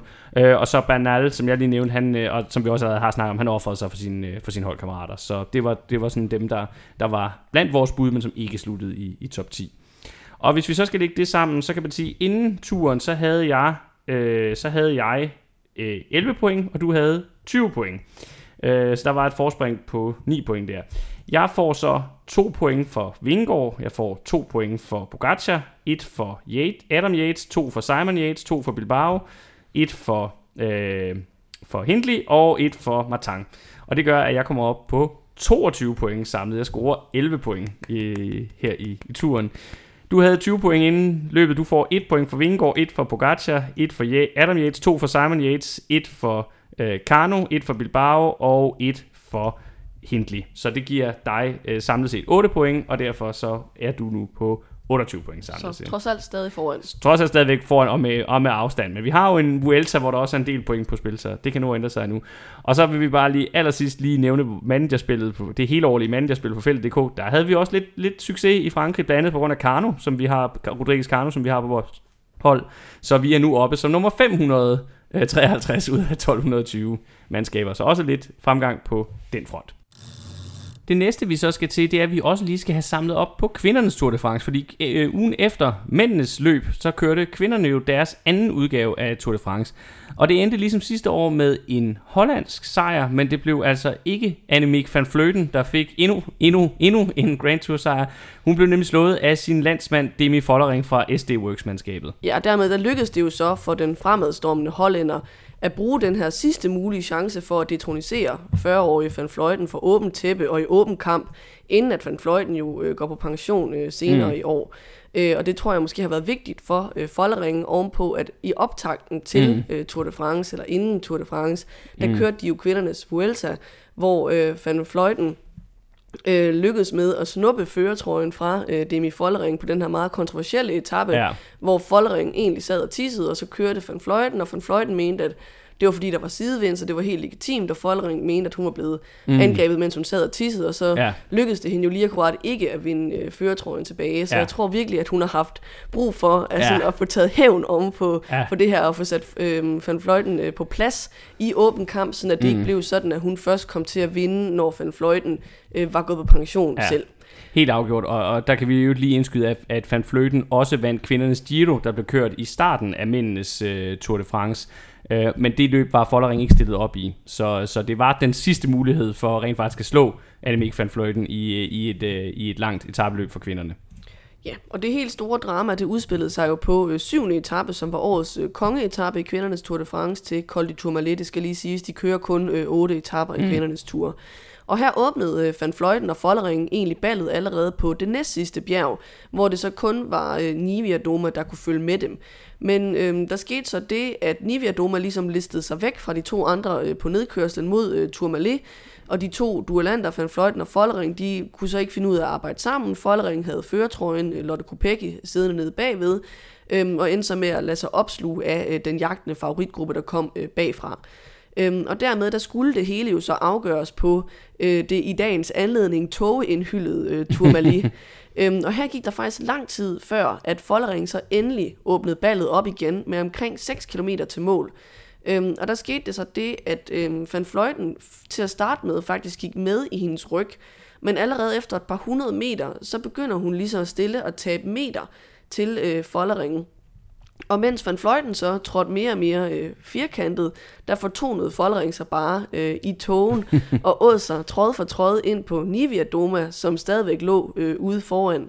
Og på det her tidspunkt, der lå rytterne ligesom spredt ud over hele bjergsiden, mm. og motorcyklerne måtte ligesom køre fra rytter til rytter og filme helt tæt på, øh, hver enkelt rytter for at kunne give et overblik over afstandene, og det var, sådan, det var svært i togen, og der var ikke nogen helikopterbilleder, fordi Nej. det var så dårligt vejr. Det var en meget dramatisk etape og at se. i skærende kontrast til, da mændene kørte op ad Tourmalet, ja. hvor det var øh, godt vejr, og solen skinnede, og alt var fint. Og så skete der jo så det, at Follering simpelthen blæste forbi øh, Nivia Doma, og også kom øh, først over stregen, og selvom det var så sent, at hun lancerede sit angreb, så endte hun altså med at være 1.58 øh, foran øh, Nivia Doma på stregen, mm. og Van Fløjten endte med at blive klokket for et tidstab på hele 2 minutter og 34 sekunder i et for Van Fløjten, må vi sige, ukarakteristisk kollaps her på Col mm. Tourmalet. Mm. Og nedturen fort, fortsatte så for Van Fløjten dagen efter på den afgørende enkeltstart, som lå på sidste etape, hvor hun simpelthen drættede hele vejen ned af podiet og ned på fjerdepladsen. Så vi må sige, at tronskiftet i international og ikke mindst i hollandsk ja. cykelsport på kvindesiden er en realitet, og det nåede at blive indvarslet, inden at Van Fløjten øh, selv gik på øh, pension. Ja, det var en øh, kæmpe præstation af Follering, det her. Altså, når man tænker på, hvor dominerende Van Fløjten har været, øh, når vi snakker etabeløb de sidste mange, mange år, så er det, så er det stort, at vi får den her øh, detronisering, inden at, at hun rent faktisk stopper, så, så man ikke får den der, øh, når hun gik på pension, så kunne de andre få lov at kæmpe om det. Hun blev rent faktisk detroniseret, inden hun stillede ja. øh, cyklen i, i garagen. Og selvom der selvfølgelig står Follering ud over det her Tour de France, så synes jeg, at øh, hendes holdkammerat Lotte Kopecky fortjener at blive fremhævet og besunget i mindst øh, lige så høj grad øh, mm. for, for sin indsats i det her års øh, tur. Fordi den belgiske rytter, øh, som vi normalt betragter øh, først og fremmest som øh, klassikerrytter, mm. endagsrytter, øh, vandt første etape efter at være kørt solo på sådan en lille stigning, cirka 10 km fra mål. Og ved samme lejlighed, der tog hun selvfølgelig den gule trøje, øh, og hun skabte sig så også et forspring på 43 sekunder til blandt andre Follering, hendes holdkammerat, og så den forsvarende øh, mester øh, Van Fløjten. Og det lykkedes hende faktisk at holde den gule trøje øh, hele vejen frem til den her store bjergetappe øh, til Tourmalet øh, på syvende etape, hvor hun så tabte trøjen til sin egen holdkammerat Follering. Det var måske også derfor, Follering mm. var så længe om at angribe, ja. fordi at hendes egen holdkammerat altså havde trøjen. Men alligevel, der formåede hun altså at blive nummer 6 øh, på den her øh, kongeetappe, og at holde sig inden for afstand af podiet. Og det lykkedes hende så, så også at køre sig tilbage på podiet dagen efter på den afsluttende enkeltstart, og hun ender faktisk som nummer to samlet efter øh, Follering, så det bliver SD Works 1-2. Og undervejs på etaperne, der blev hun, øh, hold nu fast, nummer 1, nummer 2, nummer 3, nummer 14, nummer 4, nummer 3, nummer 6 og nummer 3 igen. Mm. Hun vandt også den grønne pointtrøje, hun blev som nævnt nummer to samlet. Altså, jeg synes, det er helt enormt imponerende, og på en eller anden måde synes jeg godt, vi kan sammenligne det med, at at Fan Art øh, mm, sidste ja. år også var kørt på podiet. Altså, ja, det, det, det er det, virkelig, virkelig det er der, vi en, er. en kæmpe stor øh, præstation, og i det hele taget, så var SD Works jo altså bare meget dominerende, udover at blive et og to samlet og tage både den gule og den grønne trøje, så har de altså også taget fire af løbets otte etappesejre undervejs. En til Lotte Kopecky, en til Vibes, en til Follering og en til, til Marlen Reuser på den sidste enkeltstart. Ja, øh, det, det var, der stod SD Works på det her øh, Tour de France øh, øh, for kvinderne fuldstændigt. Øh, men øh, vi fik dog også igen, øh, må man sige, en øh, dansk etappesejr. Og det var da Emma Norsgaard Bjerg, øh, øh, som efter en dag i udbrud lige akkurat formåede at holde det jagtende felt øh, bag sig og komme først over stregen på 6. etape. Så for andet år i træk, der har været to udgaver af kvindernes Tour de France, og for andet år i træk, så får vi altså en dansk etappesejr til Emma Norsgaard Bjerg, som vil sige også virkelig, virkelig fortjener, man tænker på, hun, hun kom egentlig godt ind i den her sæson, og så styrtede hun jo i Strade Bianca og var ude et stykke tid, og så er det bare øh, super flot, at hun kommer tilbage og, og får, den her, øh, får den her store øh, sejr. Det er nok den største i hendes karriere ja. indtil videre, hun får her. Øh, vildt imponerende. Hvis vi lige hurtigt skal vende vores anden øh, store danske topnavn inde på kvindesiden, Cecilie Utrup Ludvig, så bliver hun nummer syv samlet, og der kan man sige, det er nok sådan meget sådan der, hvor man siger, det, med den sæson, hun har haft, så er det nok det, man kan forvente yeah. lige nu. Hun blev også nummer 6 i kvindernes Giro øh, i starten af, af juli måned, øh, og det er nok bare, altså det, det, det er der, hendes niveau ligger lige nu, øh, og, og hun, hun kæmpede for at sidde med, så godt hun kunne, de dage, hvor der blev kørt om det, øh, det var, øh, men desværre så havde hun altså, hun var ikke på samme niveau, som hun var sidste år, det har hun jo i det hele taget ikke været i den her sæson, så, så godt kæmpet af Cecilie, men, øh, men, men lige nu, der, der er det det, man må forvente, at det er der omkring, hun ligger der lige i mellem 5, 5 til 10, og det er stadigvæk flot at køre top 10. Ja, hun kørte en hederlig øh, enkeltstart til ja. sidst, hvor hun faktisk kørte sig en plads op i klassementet. Ja. Så. Så, så det egentlig, jeg vil sige, i forhold til den sæson, hun har haft, så synes jeg, det er meget hederligt, at hun kommer ud med, med to øh, Grand Tours øh, for kvinderne i træk, hvor hun ender i, i top 10. Mm. Det, det synes jeg er godkendt, når man ser på, hvordan resten af sæsonen er forløbet.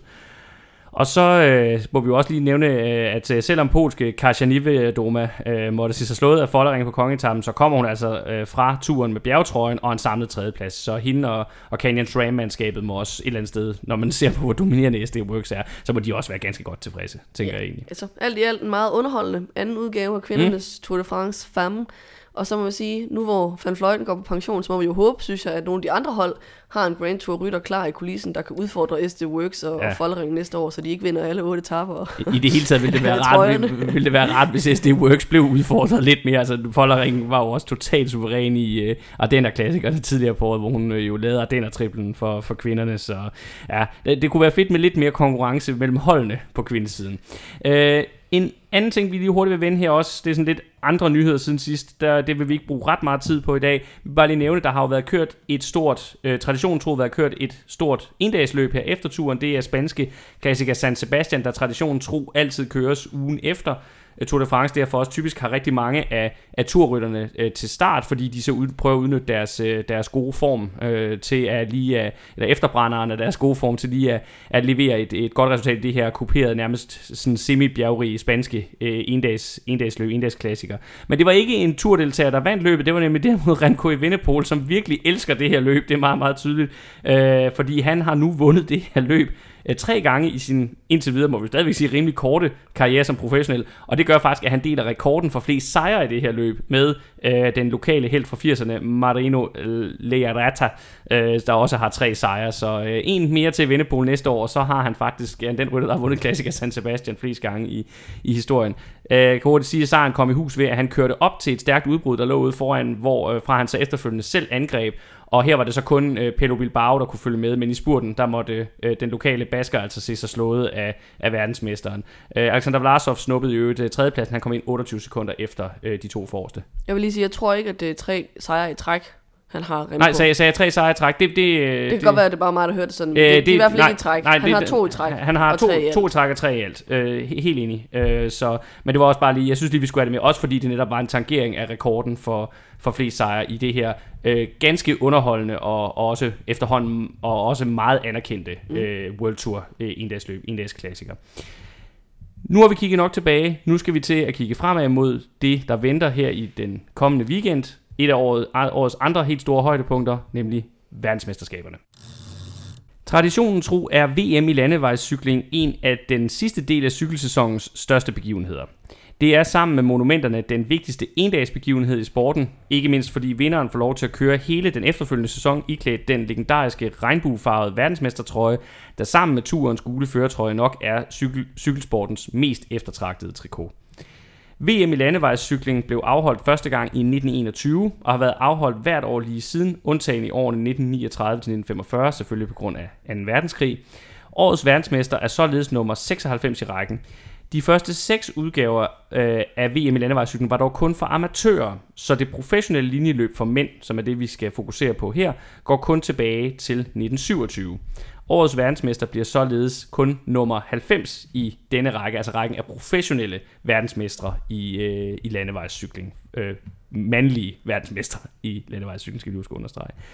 Rekorden for flest titler som øh, professionel verdensmester i landevejscykling for mændene, det er tre. Den deles af fem ryttere, Alfredo Binda, Rik van Steenbergen, Eddie Merckx, Oscar Freire og Peter Sagan. Selvom at det er normalt, at VM ligger i den sidste del af sæsonen, så er tidspunktet i år dog stadig noget anderledes, end vi er vant til. Normalt så er VM jo placeret efter Vuelta i Spanien i slutningen af september, som ligesom det næstsidste store nedslagspunkt i kalenderen, inden at Lombardiet rundt, så traditionen tro runder det hele af i starten af oktober. I år har UCI dog startet et nyt initiativ, som man regner med skal være et tilbagevendende fænomen i årene umiddelbart før de olympiske lege. Her vil man nemlig fremadrettet afholde VM samlet for alle de cykeldiscipliner, der også er på OL-programmet. Det vil sige landevejscykling, banecykling, BMX-cykling og mountainbike. Og for at det så skal kunne lade sig gøre rent logistisk, så placeres det altså her i begyndelsen af august hen over cirka halvanden uges tid. Det er Skotland, der har fået lov at være vært for den første udgave af det her samlede præ-OL-VM, eller hvad vi nu skal kalde det. Øh, og mændenes linjeløb, også lidt utraditionelt, er faktisk en af de første ting på programmet. Det er ikke det allerførste, men det afholdes altså allerede her søndag den 6. august, hvor hele det her samlede VM faktisk løber helt til næste weekend, altså først slutter søndag den, øh, den 13. august, i øvrigt med kvindernes øh, linjeløb som, som en af de sidste ting, der er på programmet. Hvis vi skal kigge lidt på øh, årets VM-rute, så er den i alt 271 km lang, så det er altså en, en distance, hvor vi ligesom, hvis vi, nu nævnte jeg jo, det er jo lidt i samme sætning som monumenterne lige før, og vi er ude i noget af, af den samme sådan, længde her med, med de her 271 km. Øh, det er Glasgow, der er officiel værtsby for VM, men ruten til mændenes linjeløb begynder i den skotske hovedstad Edinburgh, Herfra skal der så køres 120 km vestpå af en semikuperet rute, der dog kun indeholder to officielle stigninger i form af Caron Valley, der er 4,4 km lang og stiger med 3,4%, og så Crow Road, der er 5,6 km lang og stiger med 4% i gennemsnit. Efter de 120 km, så når rytterne sig frem til Glasgow, som jo er Skotlands øh, største by, hvor der skal køres øh, 10 omgange på en 14,3 km lang øh, rundstrækning. Ruten i centrum af Glasgow er både teknisk okkuperet med flere skarpe sving og små ramper. Det centrale element er dog Montrose Road, der er over 200 km, ikke 200 km, men 200 meter, stiger med 7,7 procent. Den er især afgørende, fordi toppen af den sidste passage ligger blot halvanden kilometer fra målstregen, og herefter følger en meget indviklet finale med fem skarpe sving, en kort teknisk nedkørsel og en chikane, inden at det først bliver helt fladt og direkte til mål med 400 meter til stregen. Ja, så det vil jo altså sige, at hvis man kan lancere et angreb op ad den her rampe, mm. øh, komme alene henover, øh, så Montrose kan man måske Road, godt der, lykkes ja. med at holde sit forspring øh, ned mod stregen, alene fordi, at den er så teknisk, at mm. det kan være svært simpelthen at, at hente ind og møde mm. sig forbi. Hvis man simpelthen øh, har læst ja. finalen rigtigt her, så kan man virkelig time det og så vinde på det. Øh, det første, jeg tænker, vi lige skal gøre nu, hvor vi har gennemgået den historiske baggrund og ruten, det er, at vi lige vil tage klaphatten på, og så lige gennemgå det danske hold. Og det er jo også fordi, at vi faktisk øh, må sige, at vi stiller op til det her VM med rimelig store forhåbninger til, at vi måske kan få en dansk verdensmester igen. Ja, at det er helt reelt, at de danske ryttere bliver nævnt også internationalt som nogle af favoritterne til at vinde øh, regnbuetrøjen mm. øh, på søndag. Øh, det danske hold har to kaptajner, har landsholdstræneren meldt ud. Det er selvfølgelig Mads Pedersen og Kasper Askren, mm. som dels er oplagte kaptajner, fordi ruten ligger rigtig godt til mm. dem begge to, og selvfølgelig øh, til dels fordi, at de har vist så god form i Tour de France. Mm. De er begge to kommet derfra øh, med en etappesejr og har vist, at de altså er i en form, hvor de kan vinde cykelløb lige nu. Mm. Øh, jeg synes især, at ruten ligger rigtig godt til Mads Pedersen. Mm. Øh, men på en god dag øh, vil Kasper Askren også godt øh, kunne gøre sig. Øh, og han vil måske især skulle, skulle gøre det fra en reduceret gruppe, hvor han har været i en form for, for udbrud mm. eller sådan noget. Hvor Mads Pedersen, der kan man også godt forestille sig, at hvis det er en større gruppe, der rammer stigningen sidste gang, mm. at så kan han sidde med henover, forhåbentlig i et ryg, ja. øhm, og så kunne, kunne slå en, øh, nogle modstandere øh, på de her 400 meter opløb, hvor det er fladt. Ja. Øh, og, og der vil jeg lige sige, altså stigning, Ja, det er en stigning, den er kategoriseret som stigning, men det er jo som sagt 200 det er en meter. Rampe. Det er en ja. rampe. yes. øh, men en rampe, der er så stejl, at man også godt kan, kan gøre en man forskel der, og de skal hen over mm. den mange gange. Det skal de. Øh, så er det jo bare et drønstærkt hold, der bakker dem op. Øh, mange af dem, som også godt kunne, altså er rytter, som også godt selv kunne være kaptajner, hvis ikke det var fordi, at der var de her to øh, formstærke rytter. Altså Søren Krav Andersen, Magnus Kort, Mikkel Frølik Honoré, øh, Mathias Gjelmose, Mikkel Bjerg og Michael Mørkøv. Øh, alle sammen rigtig dygtige ryttere. Mm. Øh, det siger også noget om, hvor, hvor stærkt øh, det danske sådan, professionelle herrefelt er lige nu, at mm. altså, sådan nogen som Fuglsang og Vingegård er ikke med. Det kan også godt være, at Vingegård ikke har haft noget ønske om at komme Vingegård med. har ikke haft lyst. Øhm, mm. Men vi har jo her et hold, hvor man må sige, at de her ryttere er meget oplagte i mm. det her terræn. Ja. Øhm, altså vi har så mange gode ryttere at tage, at vi også godt lidt kan sammensætte holdet ud fra, øh, hvad for nogle ryttertyper passer ja. bedst til den rute. Ja, man kan sige, at det eneste, der er lidt ærgerligt med, at Vingård ikke er med, det gør jo, at han så heller ikke kan stille op øh, på enkeltstarten, som, hvor han jo, og apropos det, der skete i turen, jeg ved godt, at på sådan en mere klassisk enkeltstart, at han måske ikke... På en restitueret enkeltstart ja, vil han ikke vinde, tror jeg ikke. Nej, så, så, så det, er ikke for, det skal ikke lyde som en kritik af ham, det var også bare lige for at sige, at, at det, det var sådan det, jeg synes, der skulle have været argumentet for, hvis Vingård skulle have været med. Fordi selve den her rute er ikke oplagt for ham Men altså, de andre ryttere mm. er umiddelbart udpeget til en hjælperrolle, men dog vil jeg sige, at altså sådan en som Skelmose kunne også godt gøre sig på sådan en rute her, øh, ja. hvis, hvis løbet udfolder sig på den helt rigtige måde. Ja, jeg vil sige, jeg vil egentlig, hvis jeg bare sådan kunne kigge på den som ryttertyper, vil jeg mere tro på Søren Krav eller Kort på den her rute, end på, på Skelmose. Ja, de havde bare ikke noget godt Tour de France. Men det var nemlig det, jeg lige skulle til at sige, at, at, at de havde ingen af dem noget særligt imponerende Tour de France, øh, så derfor så, så er, er jeg nok enig, at hvis der skal være en joker, så er det nok mere Skelmose. Øh, honorerer lidt samme historie som, som Krav Kort. Og Bjerg og Mørkøv, det ved vi jo, de er med for at hjælpe. Mørkøv kan jo eventuelt, hvis han sidder der, øh, hjælpe med at lancere noget i finalen. Det er jo det, er jo det, han er ekspert i også, må vi virkelig sige. Ja, hvis vi tror på, at det kommer nogenlunde samlet til mål, og ja, det, det kommer det er jo enormt meget an på, hvordan, øh, hvordan løbet bliver kørt. Løbet det bliver kørt, også fordi, at mm. øh, hvis vi nu, nu kommer måske lidt til at foregribe, øh, hvem der er favoritter, ikke? men der er jo nogle hold, især Belgien, som har så mange gode kort på hånden, at de vil have nogle rytter, de spiller ud tidligt, og nogle de holder tilbage ja. i baghånden til en eventuelt mere samlet øh, finale. Ja. Altså, fordi jeg synes egentlig godt, vi kan... Vi har jo så ligesom sat scenen og sagt, det er Mads P. og Kasper Askren, det er de to danske kaptajner, og de er blandt favoritterne. Men jeg synes godt, vi kan gå videre til så at snakke om, hvem er så favoritterne for de øvrige nationer. Øh, det er jo det her ved VM, at man stiller op på nationshold, altså så det vil sige, at det er jo ikke øh, de traditionelle firmahold, man kører på, man kører på, på nationale hold. I øvrigt uden radiokommunikation også, hvilket også er meget specielt for, for VM.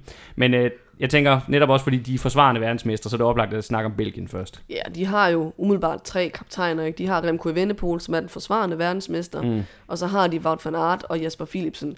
Alle tre er ryttere, der har vist, at de er i god form, især Evenepoel og Philipsen, men også van Aert, selvom mm. han ikke er på samme niveau, som vi har set ham øh, sidste år. Øhm, og her tror jeg næsten, vi er ude i sådan noget, der kan minde lidt om et luksusproblem, fordi alle tre er ryttere, der et eller andet sted er så gode, at de har krav på at være kaptajn, ja. men de skal også uh, kunne finde ud af at køre sammen. Jeg vil tro, at de kommer til at køre med en strategi, hvor Evenepoel skal angribe udefra, ligesom han også gjorde sidste år. Mm. Så på et eller andet tidspunkt i løbet af de her øh, 10 omgange øh, på den her rundstrækning, der tror jeg, vi vil se, at Evenepoel kommer til enten at angribe selv, eller gå med i et angreb langt mm. udefra. Ja, hvis ikke han gør det tidligere. Altså det kan han jo godt øhm, finde på, hvis han virkelig har benene. Det er 140 km, de kommer til at køre på den der rundstrækning, så på et eller andet tidspunkt ja. inde på rundstrækningen kommer han til at ja. lancere et angreb. Måske på femte eller sjette opkørsel eller sådan noget, kunne jeg forestille mig, at de vil sige, der spiller vi ham ud og så gemmer de Van Aert og Philipsen øh, i baghånden. Og det er især der med de to, at jeg tror, vi kan støde ind i nogle sådan, hvem er kaptajn problemer, fordi de, de er jo begge to ryttere, der kan holde i et ryg hen over sådan en, øh, en hissig rampe der, ja. og som er hurtig i en afslutning. Der er ikke mm. nogen tvivl om, at Van Aert vil være marginalt bedre på den der rampe, og Philipsen vil være marginalt bedre øh, øh, i fladbanespurten, der følger bagefter, ja. hvis man er kommet med henover. Mm. Øh, og hvordan skal de spille kortene der? Skal Fanart have lov til at lancere et angreb op ad den rampe, hvis, hvis det er det, der, mm. hvis det er sådan finalen udspiller sig, eller skal han sidde og hjælpe Philipsen, så at de kan prøve at vinde i en sprint øh, ned ja. på, på de der sidste 400 meter. Der kan de godt komme til at køre i vejen for mm. hinanden, og komme til at savne, at der er noget klar radiokommunikation i øret, der siger, vi gør sådan her. Ja, altså jeg vil umiddelbart tænke, altså for det første vil jeg sige, 150 km, 140 km mål, det vil jeg ikke, altså det er Vennepol, jeg, jeg vil ikke udelukke det. Det vil jeg ikke. Han kørte også meget, meget tidligt sidste år. Det gjorde han. Øh, der kørte han også før de nåede ind på den rundstrækning, de kørte på i finalen. Så, så, så jeg vil ikke afvise det. Men jeg er enig med dig i, at, at Fanart og Philipsen, det kan blive nu. Også fordi, sådan som jeg egentlig ser finalen, så synes jeg, at den ligger bedst til Fanart. Netop på grund af det, alt det tekniske, der kommer efter stigningen også. Men udfordringen er bare, at det er jo Philipsen, der tydeligvis er i bedst form. Så ja, og igen radiokommunikationen, altså den manglende mulighed for rent faktisk at tage stilling til taktikken i løbet af løbet, det, det kan altså også blive en udfordring i, i den Og vi har set det før. Med, altså, især med belgierne. Øh, at belgierne godt ja. kan finde ud af at ødelægge det for hinanden, ja. når de egentlig burde køre sammen. Øh, så er der Holland, som også stiller op med øh, to stærke kort i form af Mathieu van der Poel og Olaf Koe. Der synes jeg, at rollefordelingen er lidt, lidt klarere, fordi van der Poel er sådan en, der skal måske køre lidt udefra, eller i hvert fald mm. køre på den der rampe, Hvorimod Koi, han er jo bare en enormt dygtig sprinter. Ja. Øhm, Også lidt mere holdbar end for eksempel... Mere holdbar end mange andre, ja. men øhm, der tænker jeg, at Koi, han er den, der skal holdes i baghånden og mm. bruges i en, i en eventuelt øh, samlet finale, fordi at han, han har vist, at han er i topform, han har lige vundet øh, er det to sejre allerede Ej, i Polen rundt, en, eller er det en, en sejr? En sejr på Polen rundt. Øhm, så han er virkelig i topform og har øh, en topfart, hvor han måske godt vil kunne, kunne byde en Philipsen op til dans. Måske. måske. Vi har ikke set det målt op mod Nej. hinanden. Vi nævner lige Slovenien også, og det er jo fordi, de har Pogacar med. Øh, men det er jo meget, meget svært at sige, hvor han er henover på turen. Altså, han kom han jo virkede træt. Han virkede træt. Han kom flot igen og vandt den næst sidste etape. Men så må vi også bare sige, at mere oplagt for ham er den her rute altså ikke. Vi så jo, øh, øh, uden at, at det vi ellers skal sammenligne de to ting, så så vi jo i Milano Sanremo, hvor at, at altså i finalen der ved Poggio, at selvom han selvfølgelig er med og sidder der, fordi han er så god som han er, så er det jo ikke fordi, at altså, i, i sådan et, et scenarie, i sådan et, et terræn, der er det jo ikke fordi, at, at, at han er milevidt bedre end, end at tværtimod, at der er han jo ikke bedre end en Fanart eller en Fanta Ej, og jeg tror, han er så træt om på turen, at vi også ja. godt kan se, at han, han bliver sat mm. tidligt. Altså, det er ja. ligesom, at man så... Øh, da han kørte San Sebastian sidste år Præcis. efter Tour de France, at han, der blev han jo sat enormt mm. tidligt i løbet, og måtte simpelthen give for tabt, ja. fordi at der bare ikke var mere ben, og jeg tror godt, vi kan være ude i noget af det samme med, at han ja. stiller op for holdets skyld, for at der er en, mm. en stor rytter øh, på holdet. Også fordi, at, men at, øh, at han ikke reelt har chancen for at vinde. Også fordi, at de to slovenere, der vil være de mest oplagte på den her rute, vil jeg faktisk i hvert fald Mohoric vil være den mest oplagte øh, kaptajn. Han, han er der ikke, og det er Roglic heller ikke, fordi han er ved at forberede sig til Vueltaen mm. senere på, på måneden. Øhm, så vil vi gå videre til, til Frankrig, som er det næste hold, hvor vi vil sige, de har i hvert fald også nogle bud, hvor man sige, de kan, de kan betragtes som deciderede favoritter, øh, mulige favoritter til den her sejr.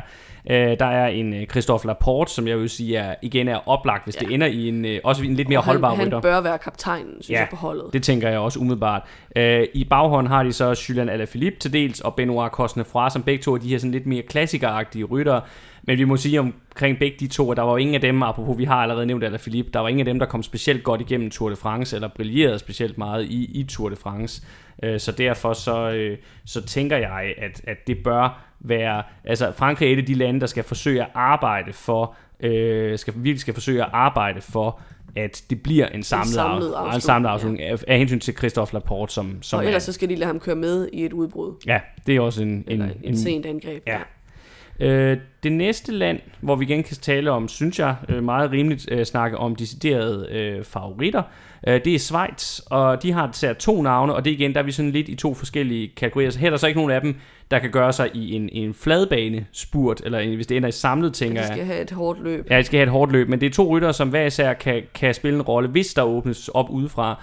Den ene det er Stefan Køng, som øh, jo selvfølgelig nok er endnu mere relevant at snakke om i forhold til enkeltstarten senere på ugen, men som jo har vist sig som en stærk klassikerrytter, og han er sådan en, der kan køre udefra, og så selvfølgelig ikke helt samme niveau som i Vendepolen, men så bare ligge og køre det som en enkelt start, ja. og så måske på den måde kan blive en, en lidt overraskende verdensmester, hvis han kan holde hele vejen til mål i sådan mere klassisk, eller en finale tættere på, hvor det skal afgøres tættere på målstregen, der er det nok Mark Hirschi, yes. som har set bedre og bedre ud, synes jeg, i den her sæson øh, undervejs, der så er, øh, der er et, et godt bud der, også fordi han har øh, eksplosiviteten til at trykke til på, på, mm. den, på Montrose Road. Og så vil du gerne lige have, at vi også lige øh, snakker lidt om, om USA, sådan i forhold til sådan der, hvor vi snakker favoritter favoritter. Ja, det er egentlig fordi, jeg synes, de har et forbløffende stærkt hold øh, for mm. den her nation. Jeg synes virkelig, der er kommet gang i øh, amerikansk øh, cykelsport igen. Øh, de stiller med øh, Sheffield, Jorgensen, Paulus og Simmons, og det synes jeg faktisk er fire stærke kort at have på hånden mm. på den her rute. Altså, Quinn Simmons er jo sådan en... Øh, klassisk endags rytter, klassiker rytter. Han har haft øh, en svær sæson. Øh, han har heller ikke lagt skjul på, at det var hårdt for ham, det her med, at, at Dinometer afgik ved døden øh, under, under Schweiz rundt. Men det er en, øh, en rute, som ligger godt øh, til ham. De har en Nielsen Paul, som ganske rigtig endte med mm. at se rimelig grillet ud øh, i Tour de France, men den burde også ligge godt til ham, den her rute. Han er jo sådan en, øh, som også kan gøre sig i Ardennerne øh, normalt. Øh, Jorgensen endte også med at udgå under Tour de France, men har ellers også vist god form. Og så Magnus Sheffield øh, igen, altså en dygtig endagsrytter.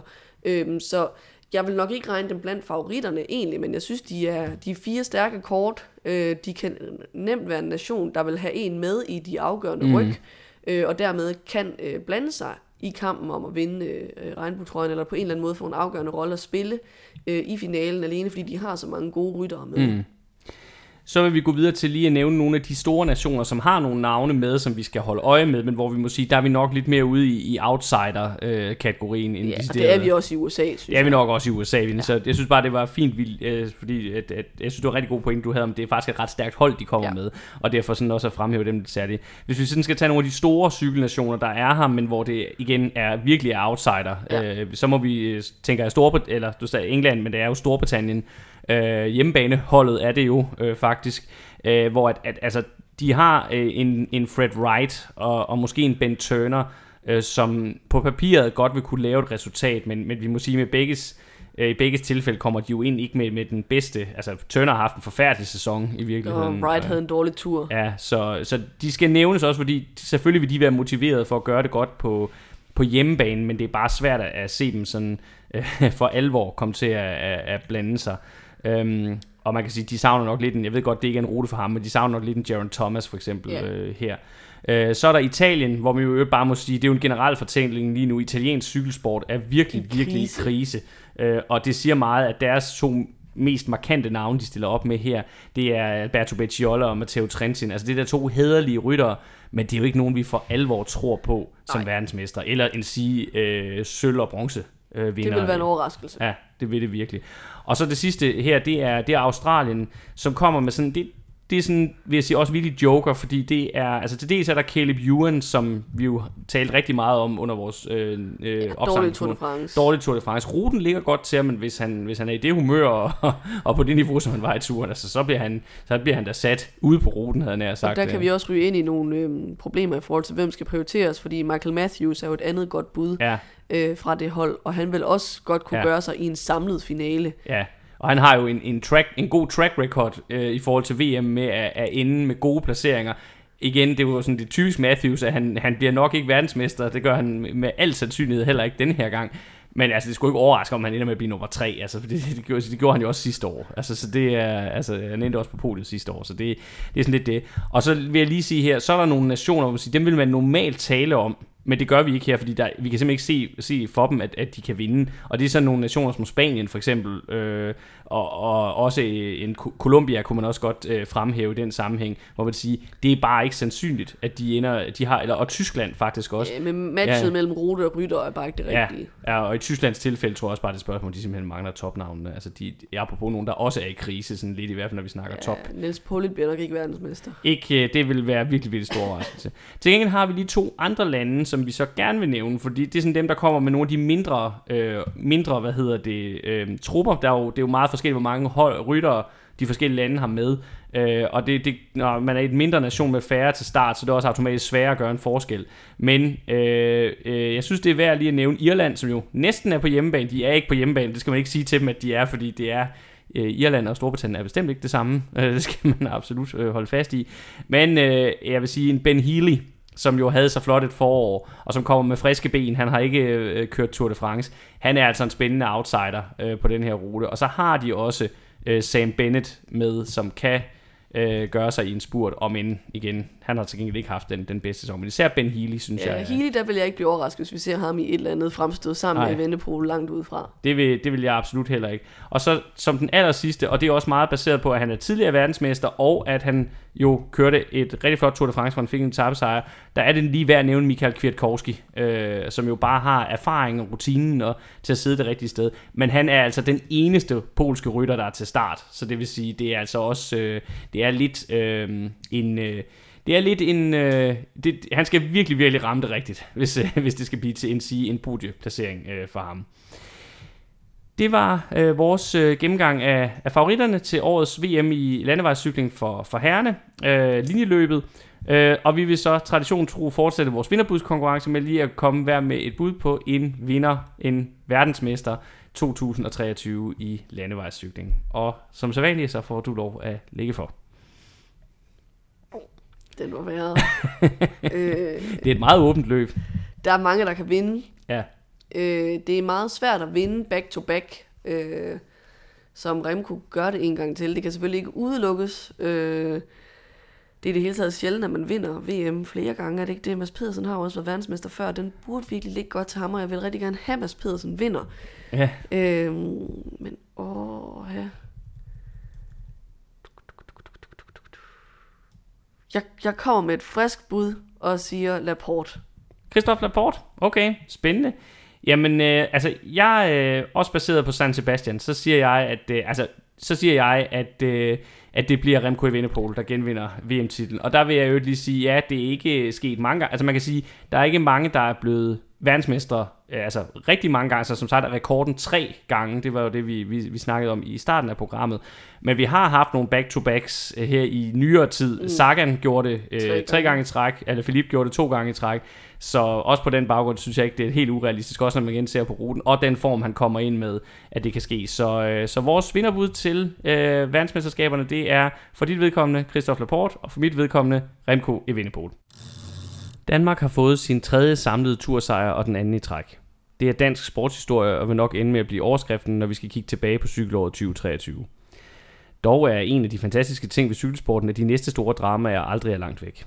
Nu gælder det VM, hvor vi håber på mere dansk succes i første omgang ved mændenes linjeløb på søndag. Vi håber, at øh, vores optakt har klædt dig godt på til dette, og hvis det er tilfældet, så må du meget gerne give os en femstjernet anmeldelse i den podcast-tjeneste, du benytter dig af, så kan det være, at vi kommer ud til endnu flere lyttere. Det røde felt er en del af sportsuniverset The Red Zone, der også indeholder bloggen theredzone.dk, hvor du blandt andet kan finde links til vores programmer, samt artikler om en anden fed sportsgren, nemlig amerikansk fodbold og NFL, hvor træningslejrene og dermed preseason nu er i gang. Vi vender tilbage om et par uger med opvarmning til Vueltaen. I denne omgang har du lyttet til mig. Jeg hedder Peter Krohmann Brams, og med mig i studiet har jeg haft mere om Krohmann Brams. Vi lyttes ved.